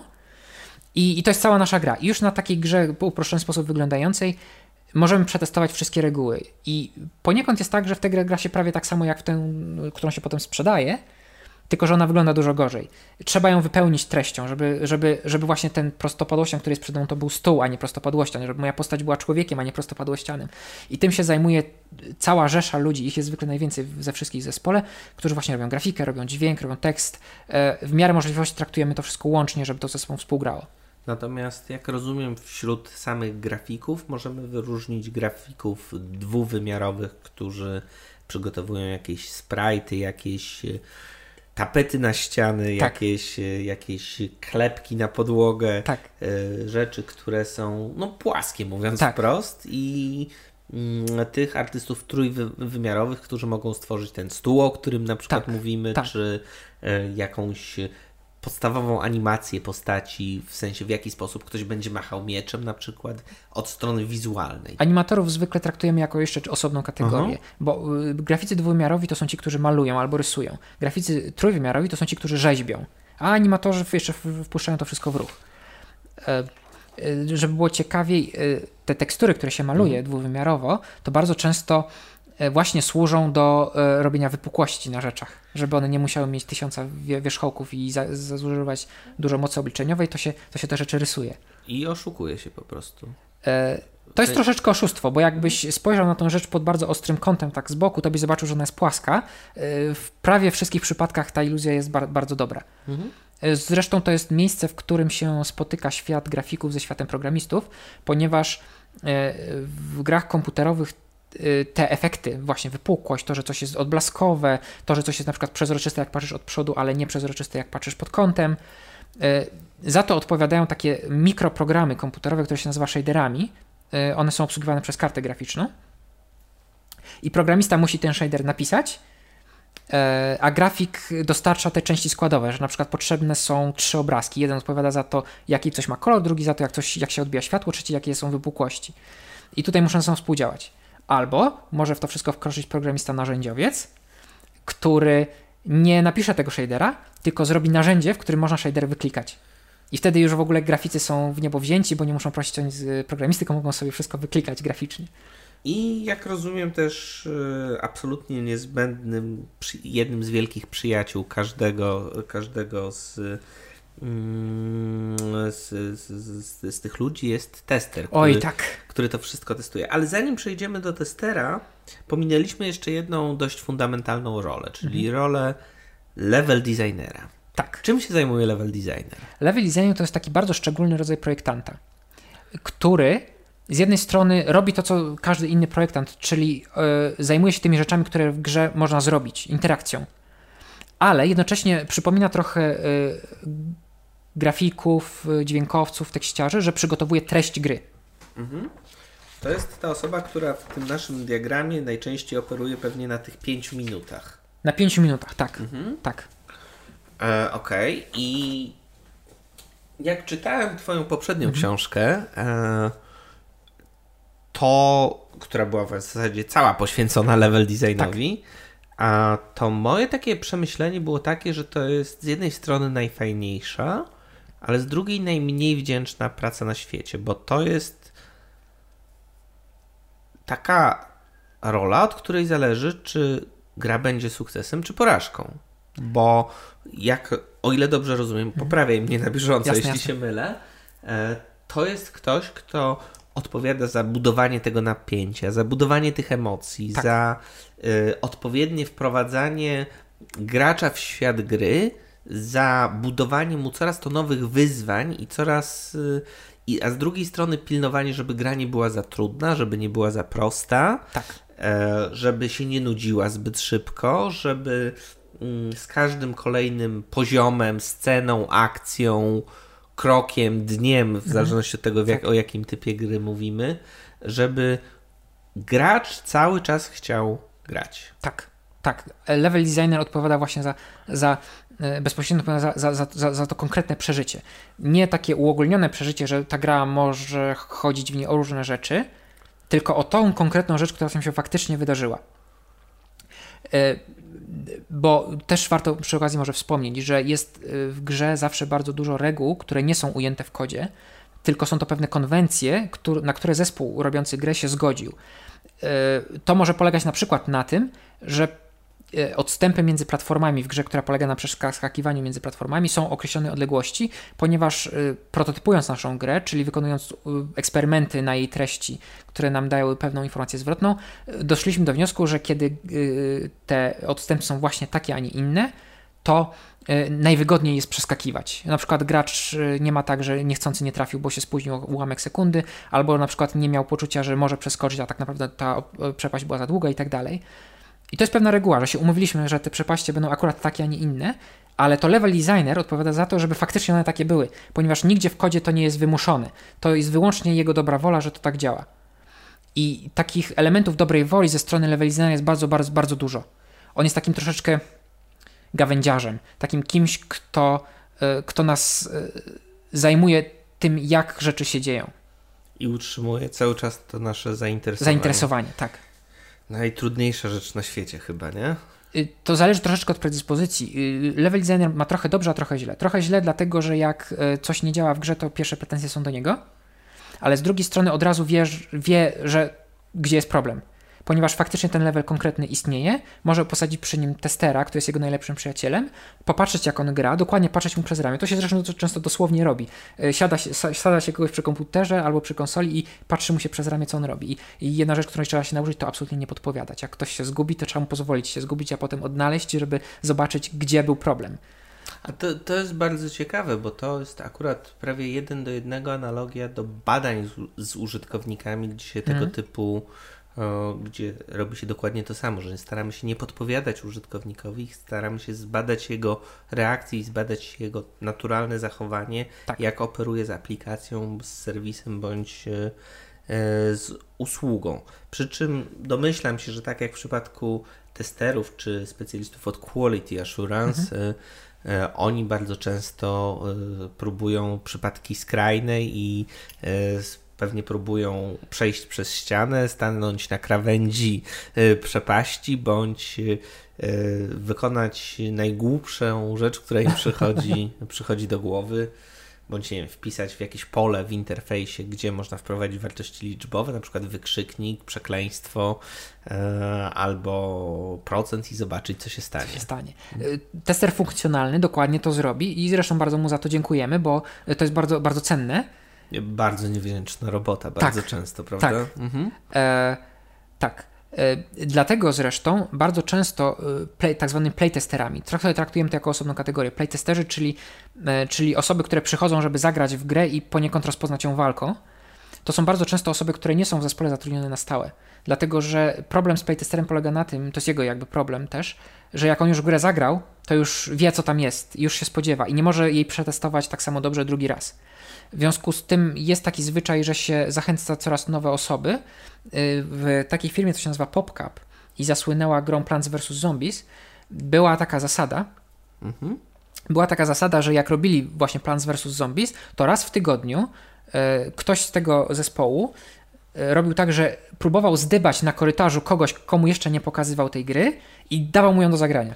W naszym świecie to się nazywa wręcz guerrilla testing, mhm albo testy korytarzowe, więc tak. normalnie ma to taką swoją metodyczną nazwę, że tak to, tak tego typu testy z łapanki się określa. Tak, więc... ja podejrzewam, że jest bardzo dużo, y, ja podejrzewam, że bardzo dużo tych technik właśnie przecieka z, z, waszej, z waszej działki do naszej. Ale to też jest, powiem Ci, że dla mnie to jest fascynujące, żeby zobaczyć, że te, że obydwa te światy są do siebie dość, no nic dziwnego, że są dość tak. podobne, ale z drugiej strony są różne. Mają inne nazewnictwo, inne cele i inne potrzeby. Tak. Okej, okay, a powiedz mi, e, już o tym wspominałeś, kto najczęściej zajmuje się fizyką postaci? To są techowcy albo yy, animatorzy? To jest bardzo, dobry, bardzo dobre pytanie, bo ono pokazuje, jak różne e, osoby w zespole growym muszą ze sobą ściśle współpracować. Co do zasady, takim w pierwszym przybliżeniu, faktycznie fizyką danej gry, taką dosłownie rozumianą fizyką, będzie się zajmował y, programista techowy, ponieważ zrobienie tej fizyki wymaga zaimplementowania gdzieś na bardzo niskim poziomie kodu y, gry jakichś wzorów fizycznych, po prostu tak, tak brutalnie mówiąc. Ale bardzo często będzie tak, że z powodu tego, jak ta gra ma działać, jakie ma stworzyć wrażenie, jakie ma być przeżycie, e, Zależy nam na tym, żeby ta fizyka była zniekształcona w jakiś bardzo konkretny sposób. Na przykład chcemy stworzyć takie wrażenie, w którym y, bohater gry przeskakuje bardzo szerokie przepaście. Czyli on musi albo bardzo szybko biec, a to nam może być nie na rękę, bo nie chcemy, żeby gra była aż tak szybka, albo musi bardzo wysoko podskakiwać, ale to nam z kolei jest nie na rękę, bo to by głupio wyglądało. W związku z tym chcemy zafałszować grawitację w ten sposób, że podczas podskakiwania ona jest niższa Mhm. Albo wręcz, że, trajekt, że w trakcie podskakiwania postać nie, pod, nie podlega w ogóle fizyce, tylko ta trajektoria jest obliczona e, tak arbitralnie. Żeby wylądować tam we tym, właściwym miejscu. We tak. właściwym miejscu. I to jest tak, że na ten pomysł musi wpaść projektant i musi zaproponować coś takiego. Czyli ten stwórca. Tak, ten stwórca. E, I wtedy on może na przykład przyjść do programisty z prośbą, że weź mi zrób kawałek kodu, który to zrobi, ale programista wtedy zwykle powie, że nie chcę mu się za każdym razem pisać od nowa tego kawałka kodu, bo ty pewnie do mnie przyjdziesz jeszcze za 20 razy, żeby mnie o to zapytać. Więc ja ci zrobię tak, że będziesz miał pliczek konfiguracyjny, w którym będziesz miał kilka parametrów i będziesz mógł je sobie dobierać i sobie eksperymentować. I w tym momencie już za tą fizykę odpowiada y, ten stwórca gry, który ma wy wyprowadzone na zewnątrz te parametry i sobie nimi, nimi grzebie. Ale to jeszcze nie jest koniec. Ponieważ z punktu widzenia gracza nie ma różnicy między fizyką, która została zasymulowana jakimś wzorem matematycznym, a fizyką, która została udawana tym, że na przykład postać wykonała animację, która wygląda jak przewracanie się. I jest na to taki przykład ewolucji y, pewnej bardzo szczególnej y, czynności w grach, którą jest umieranie. Mhm. E, dawno, dawno temu, jak jeszcze nie mieliśmy za bardzo fizyki w grach, bo to były za skomplikowane wzory, komputery nie nadążały i tak dalej, jak miała postać w grze umrzeć, się przewrócić i leżeć na ziemi, to rzeczywiście siadał animator, I, I robił jej animację, jak ona się przewraca. Dlatego bardzo często te postacie, jak się przewracały, to im na przykład przez ścianę przenikała ręka, albo głowa wchodziła w schodek, jeśli akurat był schodek po, po drodze, bo animator nie miał szansy przewidzieć, jak to tam będzie wyglądało, i zrobił jedną animację, która była dla całej gry jako całości. Potem zaczęto w grach stosować faktycznie wzory fizyczne i fizykę, e, i wtedy pojawiły się tak zwane tryby ragdoll. Ragdoll, czy taka szmaciana laleczka, i faktycznie można e, postaci przyłożyć do niej fizykę, i ona wtedy się zachowuje taka, taka bezwładna, zupełnie szmaciana laleczka i się tak złoży na ziemi. E, czyli w momencie, kiedy postać na przykład umiera i ma się przewrócić, to się, ją się przyłącza w tryb ragdoll i ona się tak składa.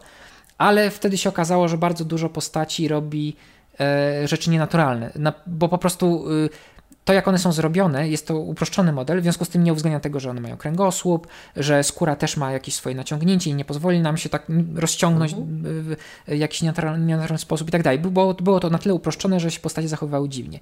Więc wymyślono tego rodzaju sztuczkę, że jak postać w grze, w jakiejś strzelance współczesnej umiera, to pierwsze pół sekundy jej animacji przewracania się robi animator, po to, żeby jej nadać pewną pozycję wyjściową do tego ragdola, który się przełącza w którymś momencie. I już postać dalej upada na fizyce, dlatego odbija się na przykład od schodka. I to jest przykład tego, jak muszą ze sobą ludzie z różnych specjalności współdziałać. E, wspomniałeś jeszcze o tym, o tym, że przy interfejsie muszą ze sobą często pracować e, e, przedstawiciele trzech specjalności, tak. czyli a, mówiłeś o programistach od interfejsu, tak. grafikach 2D. Zwykle 2D, tak. 2D i jeszcze o trzeciej grupie, której czyli nie projektant. I, I, projektant, czyli stwórca, tak? Tak. A, I czy to działa w jakimś modelu bardziej y, design sprintowym, czy raczej jest to y, tym wziętym modelu współpracy od y, Google'a, czy raczej to tak wyszło, bo tak, taka jest najlepsza praktyka i e... to zazwyczaj działa? tak wyszło. Mhm. Tak wyszło. To znaczy, e, po prostu e, jak się zaczyna robić interfejs, niestety w grach e, nie mamy jakoś za bardzo dobrej kultury pracy, jeśli chodzi o metodologię.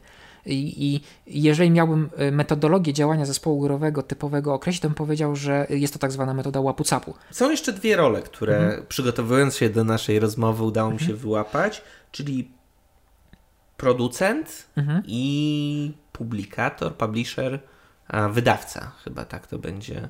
Tak. Możemy Czym tak się różni producent od y, wydawcy? Mm, producentem zwykle nazwiemy kogoś, kto jest członkiem zespołu robiącego grę i nie musi w ogóle takiej osoby być, jeżeli zespół jest wystarczająco mały. I to będzie osoba, która próbuje to wszystko ogarnąć, żeby się zmieścić w harmonogramie. Ponieważ y, projekty growe są obarczone bardzo dużą niepewnością. W sensie, jak startujemy z robieniem gry, projektant coś tam sobie wymyślił, i absolutnie nie ma żadnych gwarancji, przeciwnie, mamy gwarancję, że to nie będzie działało. I w pewnym sensie sztuka projektowania gry polega na tym, żeby umieć w możliwie najmniejszej liczbie iteracji dojść od tego pierwszego pomysłu, który absolutnie nie działa, do czegoś, co będzie fajne. Ale ktoś musi chociażby y, wiesz, siedzieć z zegarkiem w ręku i patrzeć, ile już wydaliśmy pieniędzy na grę, żeby się nie zakapućkać. I to zwykle robi producent. Można powiedzieć, że to jest osoba od y, gospodarowania budżetem czasowym czy tam finansowym e, e, projektu. E, wydawca Wydawca jest zwykle wydawcą w tym sensie, jak masz wydawcę książek. Czyli to jest zwykle jakiś przedsiębiorca albo jego przedstawiciel, który zajmuje się tym w życiu, że publikuje gry, zapewnia im marketing, y, y, wie do jakiej grupy docelowej je skierować, y, ma jakiś plan wydawniczy, w którym ileś gier jest umieszczone. Sprawić, żeby gra się pojawiła w Steamie. Na tak, przykład, tak? Tak. Steam jest na szczęście na tyle prosto zrobiony, że nawet jak jesteś jednym, jedynym samodzielnym autorem, to sobie z tym poradzisz. E, wydawca jest bardziej od tego, żeby tę grę wypromować, żeby wiedzieć, gdzie trzeba wykupić reklamy, na jakich targach się pojawić, żeby też na to przeznaczyć pieniądze. Targi gier jeszcze działają, czy to już jest taka podobnie jak w IT pieśni, takiej odchodzącej przyszłości? Działają, działają. E, E3 pewnie, tak? E3 już nie. E3 już da, bardzo dawno zbladło.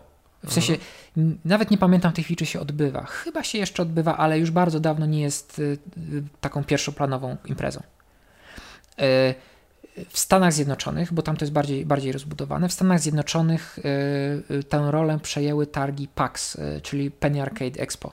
Penny Arcade to był początkowo taki blogo comics o mhm. grach zrobiła się z tego wielka firma i oni w którymś momencie zaczęli urządzać swoje takie jakby konwenty fanów gier.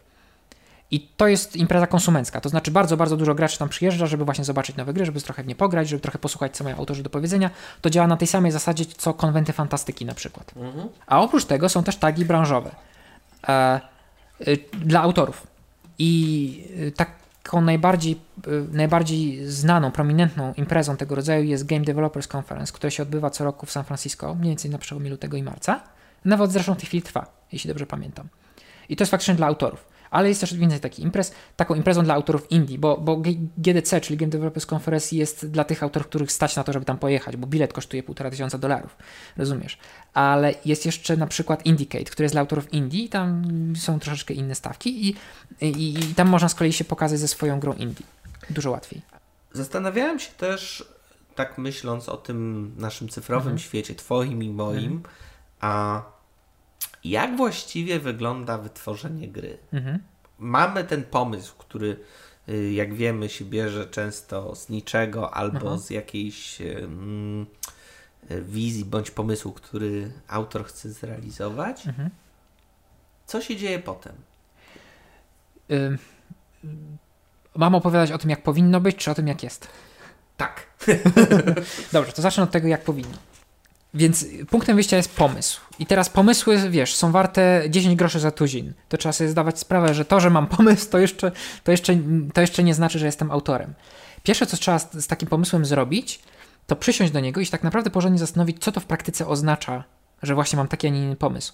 Czyli spróbować sobie wyobrazić przebieg takich przykładowych 5 minut gry jakie będą w tym emocje, jakie będą akcje, które gracz wykona, jak one będą się nawzajem wynikały i spróbować to rozpisać tak więcej na taką stroniczkę.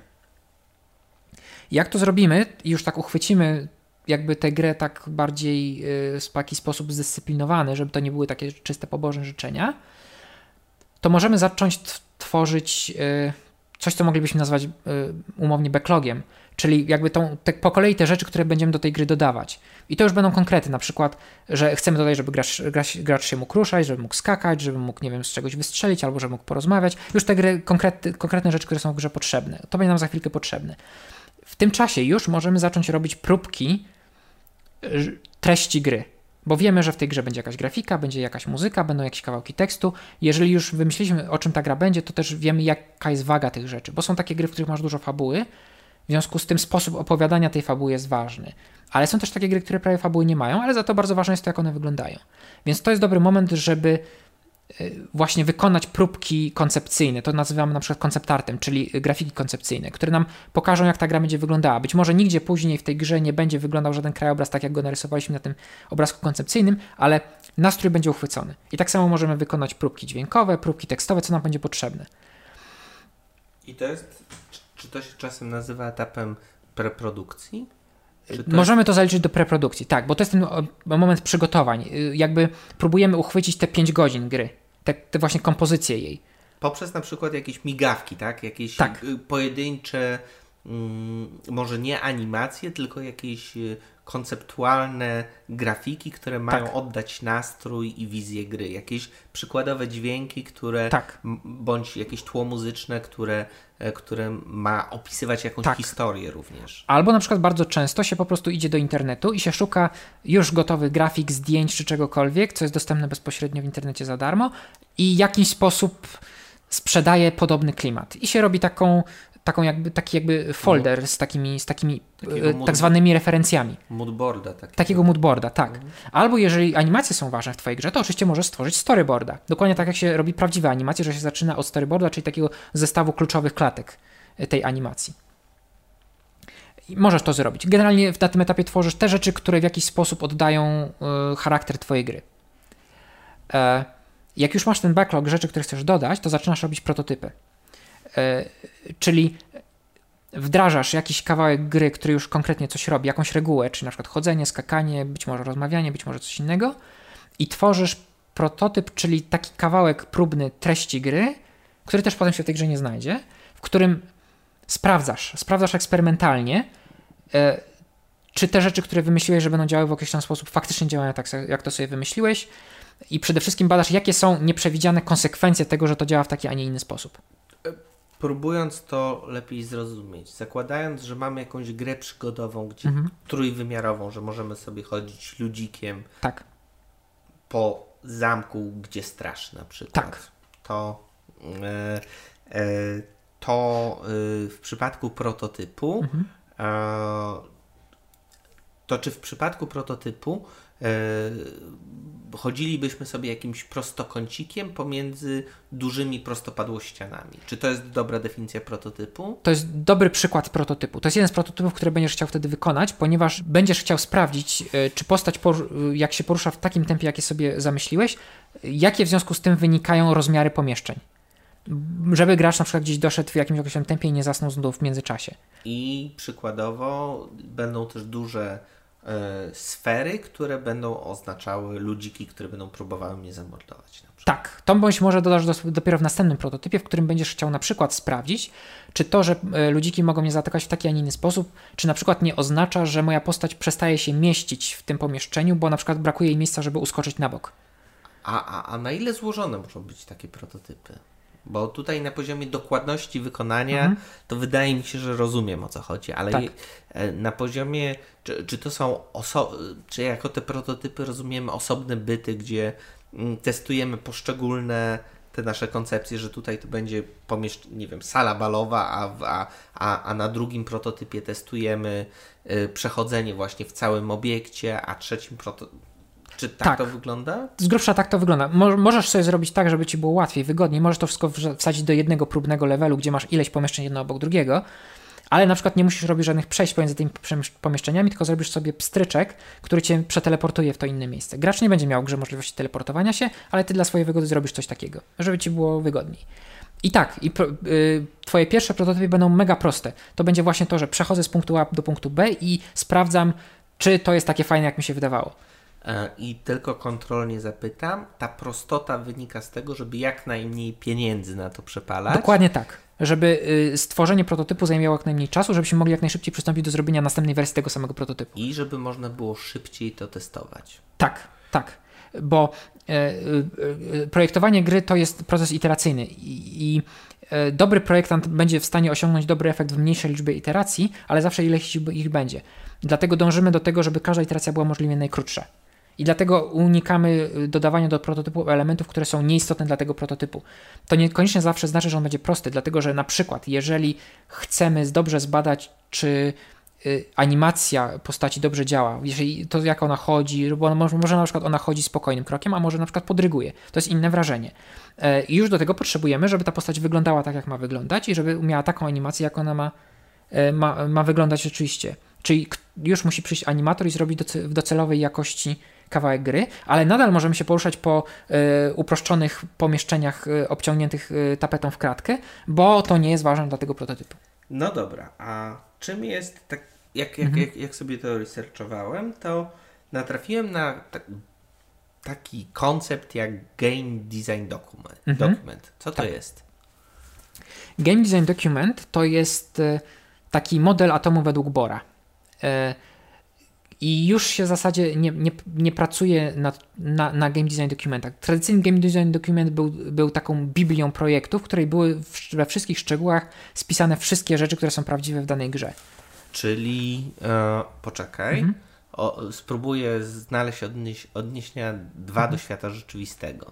Jeden to jest skrypt formatu, jeśli, cho, jeśli chodzi o e, różnego rodzaju reality show, gdzie jest od początku do końca wyjaśnione, jak e, na przykład Anna Maria Wesołowska ma, ma się zachowywać i w którym momencie i ile razy ma tłuc młoteczkiem, Mhm. młoteczkiem na sali sądowej. A odnosząc to do bardziej tego naszego online'owego świata, to my dopiero wkraczamy w, wkraczamy w fazę, kiedy tworzymy design systemy, czyli takie opisy przy użyciu dokumentów, jak mają działać interakcje, jak mają wyglądać Mhm. pudełka, jak mają wyglądać wszystkie przyciski Mhm. i jak mają być używane na przykład na wszystkich naszych platformach. Tak, tak. To Więc- jest dobre, dobre porównanie. Więc my dopiero wchodzimy do tego świata, z którego wy już wychodzicie. A czemu z tego typu dokumentów już się nie korzysta?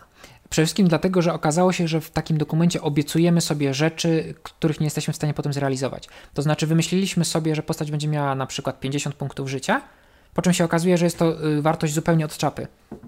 Okazało się po prostu, że 75%, może nawet 90% reguł gry najprościej jest ustalić eksperymentalnie. Czyli zaczynamy z koncepcją taką wysokopoziomową, koncepcją tego, jak te rzeczy mają na siebie wzajemnie oddziaływać, ale przy użyciu prototypu doprecyzowujemy tą ogólną koncepcję do tych, tego faktycznego zestawu reguł, które faktycznie w grze mają obowiązywać. Po prostu okazało się, że e, jak napiszemy długi dokument, to tylko zmarnujemy czas, bo potem to i tak w grze będzie działało inaczej, a my nie będziemy mieli czasu, żeby uaktualnić dokument. E, w jakim momencie możemy uznać, że kończymy pracę nad prototypem i z tego e, etapu projektowania, preprodukcji mhm. Przechodzimy do etapu tworzenia. W momencie, kiedy. Y, Dostajemy budżet? Nie, nie, budżet to musimy mieć, mieć już od jakiegoś czasu. E, dlatego, że chociaż prototypy są tanie, to jednak nie są darmowe. Ale y, w takim idealnie kulistym świecie w próżni tym momentem przejścia byłoby moment, gdy, gdy zestaw reguł gry już jest ustalony i już wszystko działa jako pewien system, tak jak byśmy chcieli i na, w różnych prototypach to potwierdziliśmy.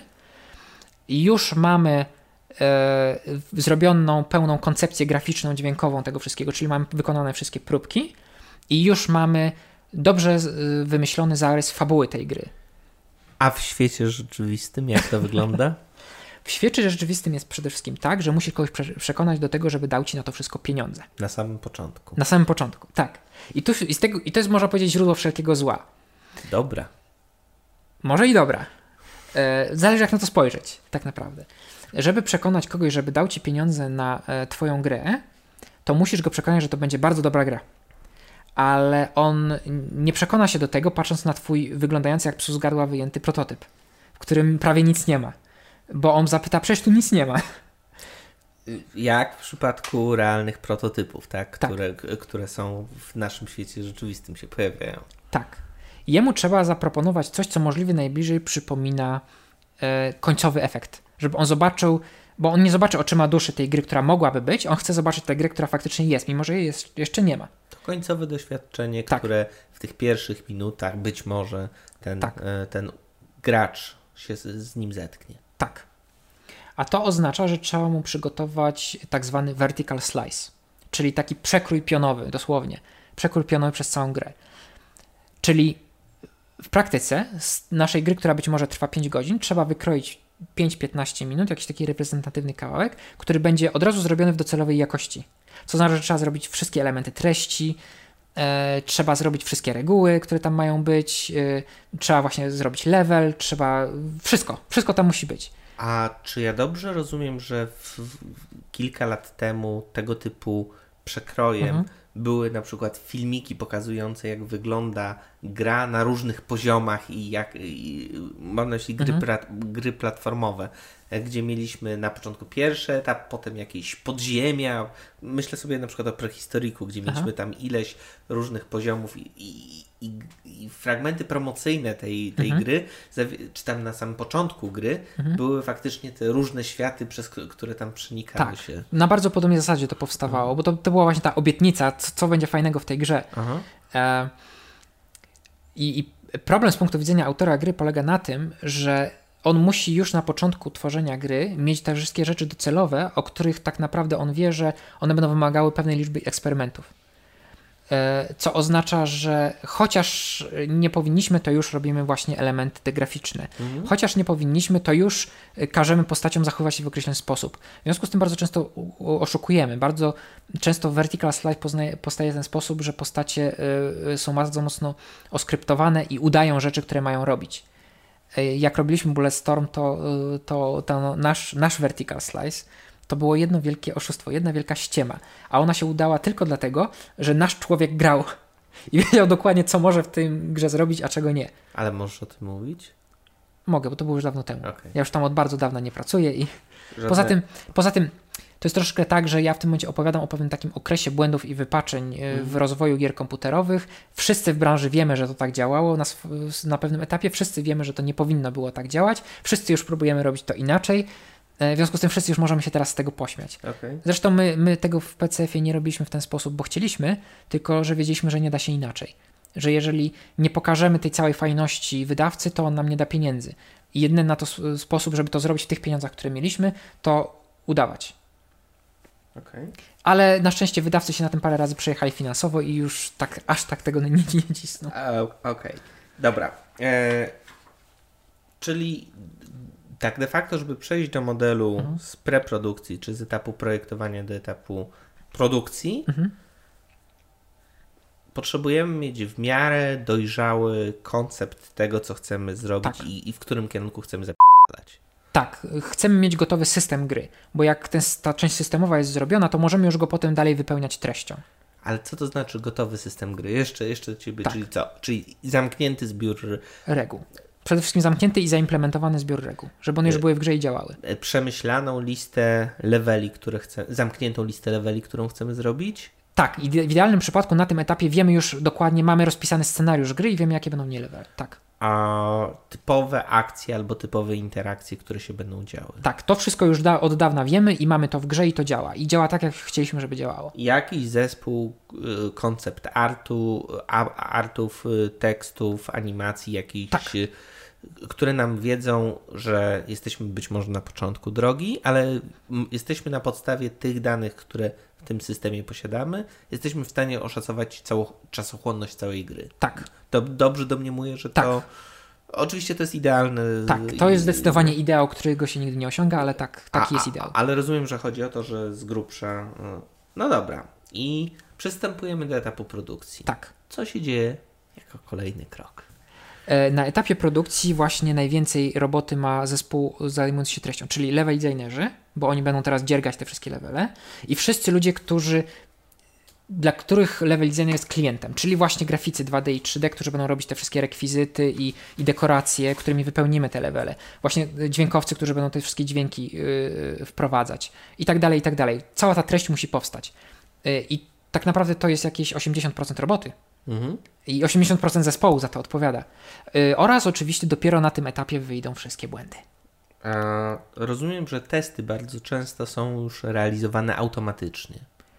Y, w grach stosunkowo rzadko mamy automatyczne testy. Naprawdę? Y, bardziej opieramy się na testach eksploracyjnych i to robią ludzie, tak. To wynika troszeczkę z natury gry, y, że, że gra to jest właśnie pewien system interaktywny, czyli Czyli jest pewien zestaw uogólnionych reguł, y, które powinny reagować na bardzo dużą przestrzeń rzeczy, które gracz może zrobić. Y, y, nawet w takich grach, które są bardzo mocno wyreżyserowane, że gracz nie ma wyboru, czy pójdzie w lewo, czy w prawo, bo może iść tylko naprzód, to nawet wtedy może, może, może się rozejrzeć, może się nie rozejrzeć, może pójść do tyłu, może próbować się cofnąć do planszy, w której był 5 minut temu, może spróbować wskoczyć gdzieś. 100 tysięcy rzeczy może zrobić. I i nie bardzo istnieje algorytm, który potrafi tę przestrzeń możliwych akcji yy, yy, pokryć. Musi to zrobić człowiek. Okej. Okay. Mamy te 80%, mhm. y, które nam się mieli, mieli i mieli. Mhm. Jakie są kamienie milowe, jeśli chodzi o tworzenie gier? Czy mamy jakiś kod freezy, mamy jakąś złotą kopię, jakieś, czy mamy tego typu, czy to już jest też pieśń przeszłości i teraz yy, lecimy huzia do przodu, byleby tylko, e, byleby tylko dowieść tą grę jak najszybciej i żeby zacząć sprzedawać ją, e, zacząć ją sprzedawać jako na przykład nawet bardzo, bardzo wczesną alfę. W idealnym świecie, takim jaki opisaliśmy do tej pory, e, jak już skończysz preprodukcję, to możesz zrobić wtedy code freeze z dokładnością do bugów. Mhm. E, nie dodajesz nowych, nowych, nowych funkcji. funkcji. Tylko się zajmujesz usuwaniem błędów, które masz tak. zdiagnozowane albo jeszcze nie zdiagnozowane, ale przypuszczasz, że mogą istnieć. Tak. Mhm. E, tak samo jak skończysz produkcję, to wtedy e, jesteś content complete, czyli jest cała treść gry. A, a taki byt jak pierwsza grywalna wersja, first playable version? W zasadzie first playable to jest jeszcze na etapie produkcji. To jest jeszcze ta twoja gra, która Aha. wygląda brzydko bo to już można zagrać. W tę grę, jeżeli tylko jesteś w stanie oczyma duszy zobaczyć, jak ona kiedyś będzie ładna, to w nią grasz prawie tak samo jak w tę wersję ostateczną. A na targach się pokazuje którą wersję? Na targach pokazuje się Vertical Slice'a. Aha, okej. Okay. Czyli, czyli tę zrobioną na szybko wersję, która udaje pełną grę. Czyli zwykle to jest jakaś wersja preprodukcyjna, e, niekompletna jeszcze, e, do której ten twój zespół, który za chwilkę będzie miał dużo roboty z produkcją, ale na razie się trochę nudzi, dorobił tak na szybko trochę rzeczy, żeby to ładnie wyglądało. Okej, okay, potem mamy Code Freeze, gdzie coś tam e, za. E, dajemy sobie na wstrzymanie, Mhm. potem jest jakaś beta, która już jest, Content complete, tak. k- która już zawiera dostarczoną treść, Tak. która od grafików, animatorów Tak. i tak dalej. Beta tak gry dalej. to w zasadzie jest y, kompletna, skończona gra, tylko ma błędy. A co- code release? Co, co to jest code release w, w rozumieniu growym? I czym się Mhm. różni od Goldmastera, takiej złotej kopii? Rozumiem, że Goldmaster to jest coś, co jest wypuszczone na płytach DVD i pewnie też odchodzi do przyszłości, tak? tak, E, tak. Dalej, znaczy to, to pojęcie Gone Gold, Goldy, to generalnie u, używamy, dlatego że jest taki moment, w którym mówimy e, skończyliśmy grę i to jest ta wersja premierowa. I zaczynamy zarabiać pieniądze wreszcie, tak? E, Jeszcze nie. Jeszcze nie. Przede wszystkim w tym momencie zaczynamy robić łatę dnia pierwszego. Które robimy przez najbliższe pół roku. Bardzo często, chociaż z, z reguły na zrobienie łaty dnia pierwszego jest jakieś 4 do 5 tygodni, bo taki jest de facto odstęp między, między wersją Gold a, e, a faktyczną premierą, bo się pracuje do ostatniej chwili. Jak w przypadku software developmentu, tutaj nie widzę jakichś dramatycznych różnic. Słuchaj, a tak patrząc trochę bardziej z góry, mm, jakich metodyk, jakich technik wytwarzania gier najczęściej e, używamy? W swojej pierwszej książce mówisz, że to są często takie techniki agile podobne, ale czy tak zawsze jest, czy od czego to zależy? E, To zależy w dużym stopniu od e, tego, jak duży jest zespół. Bo jak zespół jest mały, to Do, do 8 osób. tak do 8 osób, tak, to on będzie działał zazwyczaj spontanicznie w jakiejś formie agile'u, bo takim wyjdzie spontanicznie, że tak jest, wiesz, zdroworozsądkowo. To nie jest tak, że ktoś z nich przeczytał książkę o agile'u i wdrożył agile, tylko tak na zasadzie po prostu, żeby nam się wygodnie pracowało, wyjdzie z tego jakiś agile i to będzie w miarę dobrze działało. Natomiast jak zespół zaczyna rosnąć, to się to zaczyna roz, rozłazić. A, I trudno wtedy powiedzieć, że mamy w ogóle jakąkolwiek metodykę. E, Jest jakiś project manager, który próbuje to wszystko ogarnąć i pojawić jakąś kolejność, żeby to zrobić. Są jacyś projektanci, którzy próbują coś zrobić, ale im się to rozłazi, dlatego że trzeba zrobić w iluś iteracjach. E, Wszystko się przestaje spinać. Wiesz, założyliśmy sobie, że zrobimy coś w jakiejś kolejności i oczywiście pojawiają się zależności w projekcie, bo tak jak wspomniałem wcześniej, wszyscy muszą ściśle współpracować. E, Zespół robiący grę jest wie- wielodyscyplinarny i jednocześnie jest bardzo mocno współzależny. Wszystko zależy od wszystkiego. W związku z tym coś gdzieś się spóźni, coś gdzieś wyjdzie nie tak jak myśleliśmy i nagle się robi, wiesz, to się ro- propaguje po zespole, robią się, robią się, e, robią się, robią się problemy. W związku z tym zwykle za, e, ambitni to sobie zakładają, że to będzie jakiś agile, ale to nie jest żaden agile, to jest, to jest takie nie wiadomo co. Określiłeś to w naszej rozmowie łapu-capu. Tak, dokładnie, to jest robione metodą łapu-capu. Gra powstaje metodą łatania bieżących pożarów. I jest to oczywiście bardzo niewydajne, na, na tym się traci olbrzymie ilości kasy. Okej, a właśnie, mówimy też o przygotowaniu gry. Ile Mhm. tak, wiem, że to będzie bardzo uśredniony, Tak. bardzo zmediano, zmedianowany wynik. Ile czasu zajmuje przygotowanie gry typu indie? Bo E. wiem, że gry AAA powstają czasem 2, 3, 4 lata. 3-4 lata, tak. Mhm. E, chyba, że jest to kolejna część w serii, to wtedy krócej, bo tylko trzeba zrobić nową treść. Zwykle nie, do, nie dorabiam tam nowych funkcji, chyba, że jakieś pomniejsze. Zrobienie gry indie zajmie od miesiąca do dwóch lat. Mhm. E, chyba, że robisz po godzinach, bo ponieważ bardzo wielu autorów niezależnych, właśnie dlatego, że nie mają pieniędzy, to mają jakąś stałą pracę, a swoją grę ukochaną robią po godzinach. I wtedy to im może zająć i 5 lat. I absolutnie nie należy tego deprecjonować. Jeżeli ktoś ma siłę, żeby po godzinach jeszcze robić drugą rzecz i zajmie mu te 5 lat, to bardzo chętnie. E, są gry, które w ten sposób powstały i bardzo są lubiane. E, Na przykład? e, była jakaś taka gra, którą bardzo, bardzo lubię. To jest klasyczna platformówka, nazywa się Cave Story. Mhm. I jest bardzo wzruszającą opowieścią o takim robociku, który y, dopiero odkrywa w trakcie gry, że jest robotem i, i tam jest taka troszeczkę... To jest trochę historia miłosna, ale on nie jest przedmiotem tej historii miłosnej, tylko tam się dzieje wszystko w tle. Ona jest bardzo japońska, ale jest przystępna w tej swojej japońskości i taka jest taka milutka. Machinarium nie było dość podobne? Machinarium ma zupełnie inny klimat, ale też jest bardzo fajna. Ale wydaje mi się, że Machinarium też miało bardzo niewielką, bardzo y, chyba je, niewielu, niewiele osób, które robiło tą grę. Tak, to malutki zespół. Ja prawdę mówiąc nie przypominam sobie dokładnie ile tam było osób, ale to też był taki klasyczny zespół indie, tam pewnie ze dwie, trzy osoby. Z tym, że to yy, była kolejna gra, którą ci ludzie robili, więc oni już mieli też yy, know-how. Know-how, tak. Wielokrotnie tutaj mhm. mówiliśmy o tym, jak istotne jest przygotowanie tego levelu, tego doświadczenia. Mhm. Y, jak długo zajmuje zazwyczaj przygotowanie tego pierwszego levelu, tej pierwszej sceny, tej pierwszego mhm. mm, podstawowego doświadczenia, z którym y, gracz się potem y, zmaga przez większość gry? E, jeżeli mówimy o tym podstawowym doświadczeniu, to je wykonujemy w prototypach. Mhm. E, I to też zależy od stopnia komplikacji Twojej gry, ale w przypadku takiej w miarę prostej gry to, się, to jest jakieś 25% czasu powstawania całej gry. Czyli jak? tak jak mamy też cały ten etap, który, który zajmuje nam ten prototyp, mhm. to jest, mówisz 20-25% w stosunku do 80%, który idzie na produkcję już samej tak, gry. Tak. Okay. E, natomiast zrobienie takiego pierwszego e, levelu, który wygląda tak, jak ma wyglądać, to trochę zależy od tego, co rozumiemy przez level w danej mhm. grze, bo to bardzo zależy od tego, jaką grę robimy. W jakim gatunku się ta gra znajduje. Tak, tak. Bo e, wiesz, też są gry, w których levele są generowane proceduralnie. Czyli jest jakiś algorytm, który w locie stworzy ten level dla ciebie. I wtedy algorytm do robienia tych leveli prototypujemy, a potem już mamy levela za darmo. Wormsy?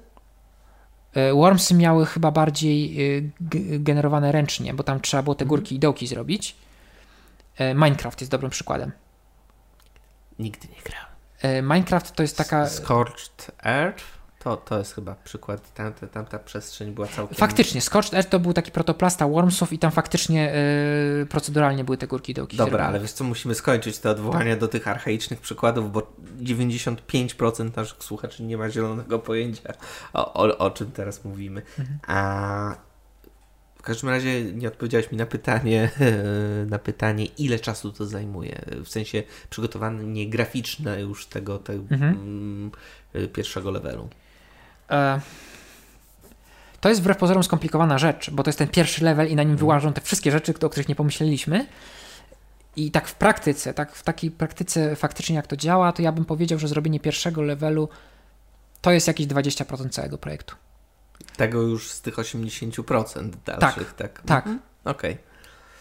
To faktycznie jest to pracochłonne. Tak, tak. Każdy następny level idzie szybciej, po pierwsze dlatego, że wiemy co robimy, a po drugie dlatego, że bardzo wiele elementów y, treści, które zrobiliśmy do pierwszego levelu powtarzają się w następnych. E, wspomniałeś o tym kontencie, że przygotowanie go jest bardzo, bardzo czasochłonne mhm. i bardzo e, kłopotliwe. A powiedziałeś też, że dużo ludzi zazwyczaj pracuje tak. nad tym. Jeśli mamy taką jeśli mamy ośmioosobowy zespół, mhm. to jak byś w ogóle określił proporcje tych ludzi, którzy zajmują się kontentem versus mhm. reszta? E, to bardzo zależy od tego, jaką grę robisz. Właśnie w segmencie indie jest e, dlatego taka duża popularność e, konwencji estetycznych, które są uproszczone. Po to, żeby ta część kontentowa była tańsza. Czyli to, to, to, to 8, 8 pi, pixel arty, tak? tak. I, I, tego typu dokładność na poziomie 8-16 bitowych tak. komputerów tak. jest wynikiem właśnie tego. Coraz częściej jest to świadomy wybór estetyczny, ale jak wszystkie świadome wybory estetyczne, e, dziś mówimy, że to jest kwestia stylu, ale kiedyś po prostu to wynikło z racjonalnych przesłanek. E, ale w takim, jeżeli robisz grę, którą robi ośmioosobowy zespół, to znaczy, że robisz już całkiem, masz już całkiem niezły budżet, bo e, to znaczy, że ta gra prawdopodobnie będzie cię kosztowała, gdybyś robił w Polsce, mhm. to ona by cię kosztowała jakiś milion złotych. Serio? Aż tyle? No tak, no bo masz 8 osób, szacuje się, bo, bo na szczęście w game devie staramy się dosyć dobrze płacić, więc, e, więc szacuje się tak pi razy oko, że, e, że koszt jednego roboczo miesiąca w, w game devie takim komercyjnym to jest 10 tysięcy złotych. Więc jak masz 8 osoby zespół, to płacisz mu miesięcznie 80 tysięcy złotych. Więc jak masz e, e, milion złotych, to ci to wystarczy, jeśli dobrze liczę, na 12 miesięcy pracy. Rok pracy. Rok pracy to wcale nie jest długo dla takiego zespołu. E, możliwe nawet, że będzie pracował przez półtora roku albo dwa lata, czyli potrzebujesz 2 milionów złotych. E, w takim zespole prawdopodobnie będzie na stałe dźwiękowiec. Prawdopodobnie grafików różnych 2D, 3D, to zależy jak potrzebujesz do gry, będzie trójka, typowo, tak? E, będziesz miał testera, będziesz miał prawdopodobnie dwóch programistów i projektanta. Masakra. Być może któregoś grafika będziesz chciał zamienić na drugiego projektanta, żeby właśnie robienie leveli szło szybciej. Masakra. Tyle rzeczy może się wysypać i tyle rzeczy tak. może pójść nie tak, plus prawie nie masz zastępu wolnego zespołu, gdzie każdy może się w danym momencie wysypać. Tak, to jest, to jest bardzo wrażliwa robota, tak. E, a to jeszcze jest mały pikuś, znaczy o tyle jest łatwiej robić duże gry te AAA, że masz zespół 200-osobowy na przykład. Plus mówisz o stawkach, które nie są jakoś zabójczo atrakcyjne. W sensie, nie wiem, ja patrzę na to z perspektywy tak. software developmentu i to nie są, to znaczy byle programista Java zarabia dwa, trzy razy tyle co, czy, niż kwot. No dobrze. Generalnie w game devie płacimy gorzej niż w innych y, high-techowych rzeczach. Jeżeli programista przychodzi pracować w game devie, to nie dla pieniędzy, tylko właśnie dlatego, że chciał robić właśnie gry, bo on w banku zarobi dużo więcej. ale jednocześnie, jednocześnie, niestety to jest taki trochę paradoks, y, że, y, że nadal to są dobre stawki w porównaniu z tym, ile zarabiają generalnie ludzie w Polsce, niestety. Słuchaj, tak pytając jeszcze wysokopoziomowo, mhm. Czy projektowanie na konsolę w mhm. jakiś taki bardzo znaczący sposób się różni od projektowania na tak zwane piece, pecety, pecety. Takie, takie standardowe komputery? E, trochę tak, a trochę nie. E, dlatego, że tym, co decyduje o tym, jak projektujesz grę, jak, ją, jak, jak ona będzie działała potem z punktu widzenia gracza, nie jest to, czy ona działa na PC czy na konsoli, tylko jaki ma e, interfejs e, w rozumieniu sprzętu, którego używasz. E, czyli decydujące jest to, czy grasz padem, czy grasz klawiaturą i myszą. To się w pewnym sensie przekłada na konsola versus PC, bo na konsoli się zwykle gra właśnie padem, mm. a na PC masz większy wybór i możesz wziąć klawiaturę i mysz, jeśli chcesz, ale pad też możesz. Ale to jest tak naprawdę decydująca rzecz. E, biorąc pod uwagę, że bardzo często chcemy, żeby gra obsługiwała i, i, i klawiaturę i mysz i, i pada, to w zasadzie na współczesne konsole, te z najnowszej generacji, pracuje się tak samo. Mhm. E, o, tak naprawdę konsola współczesna jest PC-tem tylko ze względów właśnie takich DRM-owych różnych, y, na przykład nie możesz zainstalować dowolnej aplikacji na niej, tylko musisz ją pobrać ze sklepiku y, operatora tej konsoli, ale, ale y, z punktu widzenia autorów gry ona działa bardzo podobnie do, do, do PC-ta. Kiedyś były uwarunkowania. Jeszcze w poprzedniej generacji konsol było tak, że ponieważ konsola musiała być tania, to nie miała tego, co było drogie w tamtych technologiach, czyli pamięci. Zawsze brakowało pamięci. W związku z tym, jeżeli robiłeś grę na konsolę, to musiała być tak zrobiona, żeby nie wymagać dużo pamięci. E, dzisiaj to e, ograniczenie jest, jak robisz gry na, e, na telefony, na smartfony, bo one z kolei teraz mają mało pamięci, a konsole już mają dużo. Pytanie o właśnie urządzenia mobilne było kolejnym moim mhm. pytaniem, mhm. bo zauważyłem, że jeśli chodzi o urządzenia mobilne, to takie najpopularniejsze gry, jakie mamy na komórki mhm. i na tablety, to są najczęściej platformówki, jakieś gry sportowe, gdzie jedziemy jakimś samochodem i ewentualnie jakieś strategiczne, e, mhm. strategiczne gry, gdzie też wystarczy wyświetlić tylko kawałek e, mhm. mapki. A czy poza rozmiarem ekranu i tym mhm. sposobem interakcji, który naturalnie jest inny niż w przypadku mhm. E, PC-ów czy konsol, mamy jakieś inne ograniczenia technologiczne? To jest ta pamięć, o której mówisz, ale czy występują. Co powoduje, że akurat te gatunki gier na komórki się cieszą naj, największą popularnością. Yy, dokładnie to, co powiedziałeś, bo yy, yy, trzeba pamiętać, że współczesny telefon, smartfon jest ograniczony w porównaniu ze współczesnym PC-tem, ale współczesny smartfon to jest komputer dużo silniejszy od PC-ta, którego miałeś 15 lat temu.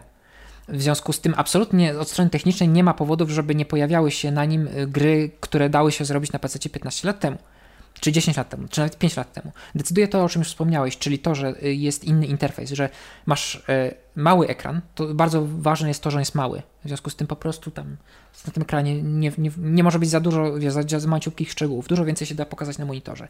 I bardzo, dużo, y, bardzo duży wpływ na to, jaką grę warto zrobić na taki telefon, ma to, że Twoim interfejsem jest ekran dotykowy. Ponieważ ekran dotykowy oferuje Ci wbrew pozorom dosyć ograniczoną liczbę akcji na przykład możesz y, odpowiednik kliknięcia mieć, bo patrzysz coś, ale nie masz odpowiednika najechania kursorem na coś. I to już wpływa na to, jakie gry są możliwe, a jakie nie. Y, nie bardzo można, może, można emulować gałkę pada, ale to nie jest tak dobre jak prawdziwa gałka pada. Możesz emulować przyciski, ale nie są tak dobre jak przyciski. Ale I, I, to tak naprawdę decyduje. Ale z drugiej strony masz inne zabawki, których nie ma, jak żyroskopy, jak czy są już teraz wpadach żyroskopy, nie wiem. E, problem z żyroskopami e, na rynku konsumenckim polega na tym, że żyroskop, który jest w Twoim zasięgu cenowym, jest niskiej jakości. Okay. W związku z tym urządzenia mają żyroskopy, ale my jako y, autorzy gier nie bardzo możemy z nich korzystać, bo nie możemy na nich polegać. Mm, no, jest jeszcze kwestia geolokalizacji, tak, którą, którą tak. której można, która z kolei nam inną przestrzeń w ogóle e, tak. o, otwiera do zabawy. I tutaj mamy y, dokładnie te same problemy. Ja akurat, akurat tak się składa, że w tej chwili uczestniczę w projekcie Politechniki Warszawskiej, y, który jest projektem badawczym i dotyczy geolokalizacji. Zaangażowali mnie do tego projektu, bo ja się znam na grywalizacji, mhm. czyli na y, wykorzystywaniu technik zaangażowania z danych z gier komputerowych w aplikacjach użytkowych. E, i, i, I, trochę mam wgląd w ten projekt i też oni mi trochę uświadamiali, bo ja jako projektant oczywiście myślę o geolokalizacji jako nowej, pięknej zabawce, z którą można zrobić takie fajne gry. I oni mi tak powolutku uświadamiają, czego się nie da zrobić w geolokalizacji. I taki podstawowy problem z geolokalizacją polega na tym, że trudno jest ustabilizować obraz, że jesteś w konkretnym punkcie i wiemy, że na 100% jesteś właśnie w tym punkcie, a nie w innym i patrzysz w tym kierunku, a nie innym. Y, jeżeli spróbujesz to puścić na żywioł, że z tych danych, które odczytujesz, wygenerować obraz, to on ci będzie się y, trząsł na ekranie. Nie będzie stabilny. I na razie nie mamy środków technicznych, żeby go ustabilizować. Wyzwanie całe życie, tak, co? Tak, no ale wiesz, 10-15 lat ktoś coś wymyśli. A przy czym jeśli chodzi jeszcze o kontekst urządzeń mobilnych, mhm. to tam jest jeszcze kwestia zaangażowania, że nasi użytkownicy, nasi gracze nie mają zazwyczaj całego dnia, żeby spędzić na tym urządzeniu. E, tak. Jedną z hipotez, która bardzo mi się podobała, nie wiem czy jest mhm. prawdziwa, a, dotyczyła, dotyczyła Angry Birdsów, że ta gra mhm. odniosła tak spektakularny sukces, ponieważ idealnie odpowiadała czasowi, który większość ludzi poświęca na wizytę w toalecie. To jest, to jest bardzo dobra hipoteza i ja się z nią zgadzam. E, niekoniecznie to musiała być dosłownie wizyta w toalecie, chociaż też. E, to jest też e, podobny przedział czasowy jest jak jedziesz tramwajem i jedziesz na przykład pięć przystanków i zanim musisz wysiąść, to coś tam, coś tam. Ale tak, tak, jak najbardziej. Gra, która się w, właśnie w przypadku telefonu jest bardzo ważna, żeby gra się wplotła w te takie naturalne przerwy, które mamy w życiu. I to jest bardzo, bardzo, bardzo racjonalna hipoteza. E, strasznie dziwna to puenta naszej rozmowy nam wyszła. E, bardzo Ci dziękuję za cierpliwe odpowiadania na te setki pytań, które Ci zadałem. No to były bardzo ciekawe pytania. E, moim gościem był Jacek Wesołowski. Dziękuję Ci bardzo. Dziękuję. I to już wszystko na dzisiaj. A trzy kolejne odcinki są już gotowe, nagrane i czekają na publikację, zatem do usłyszenia wkrótce.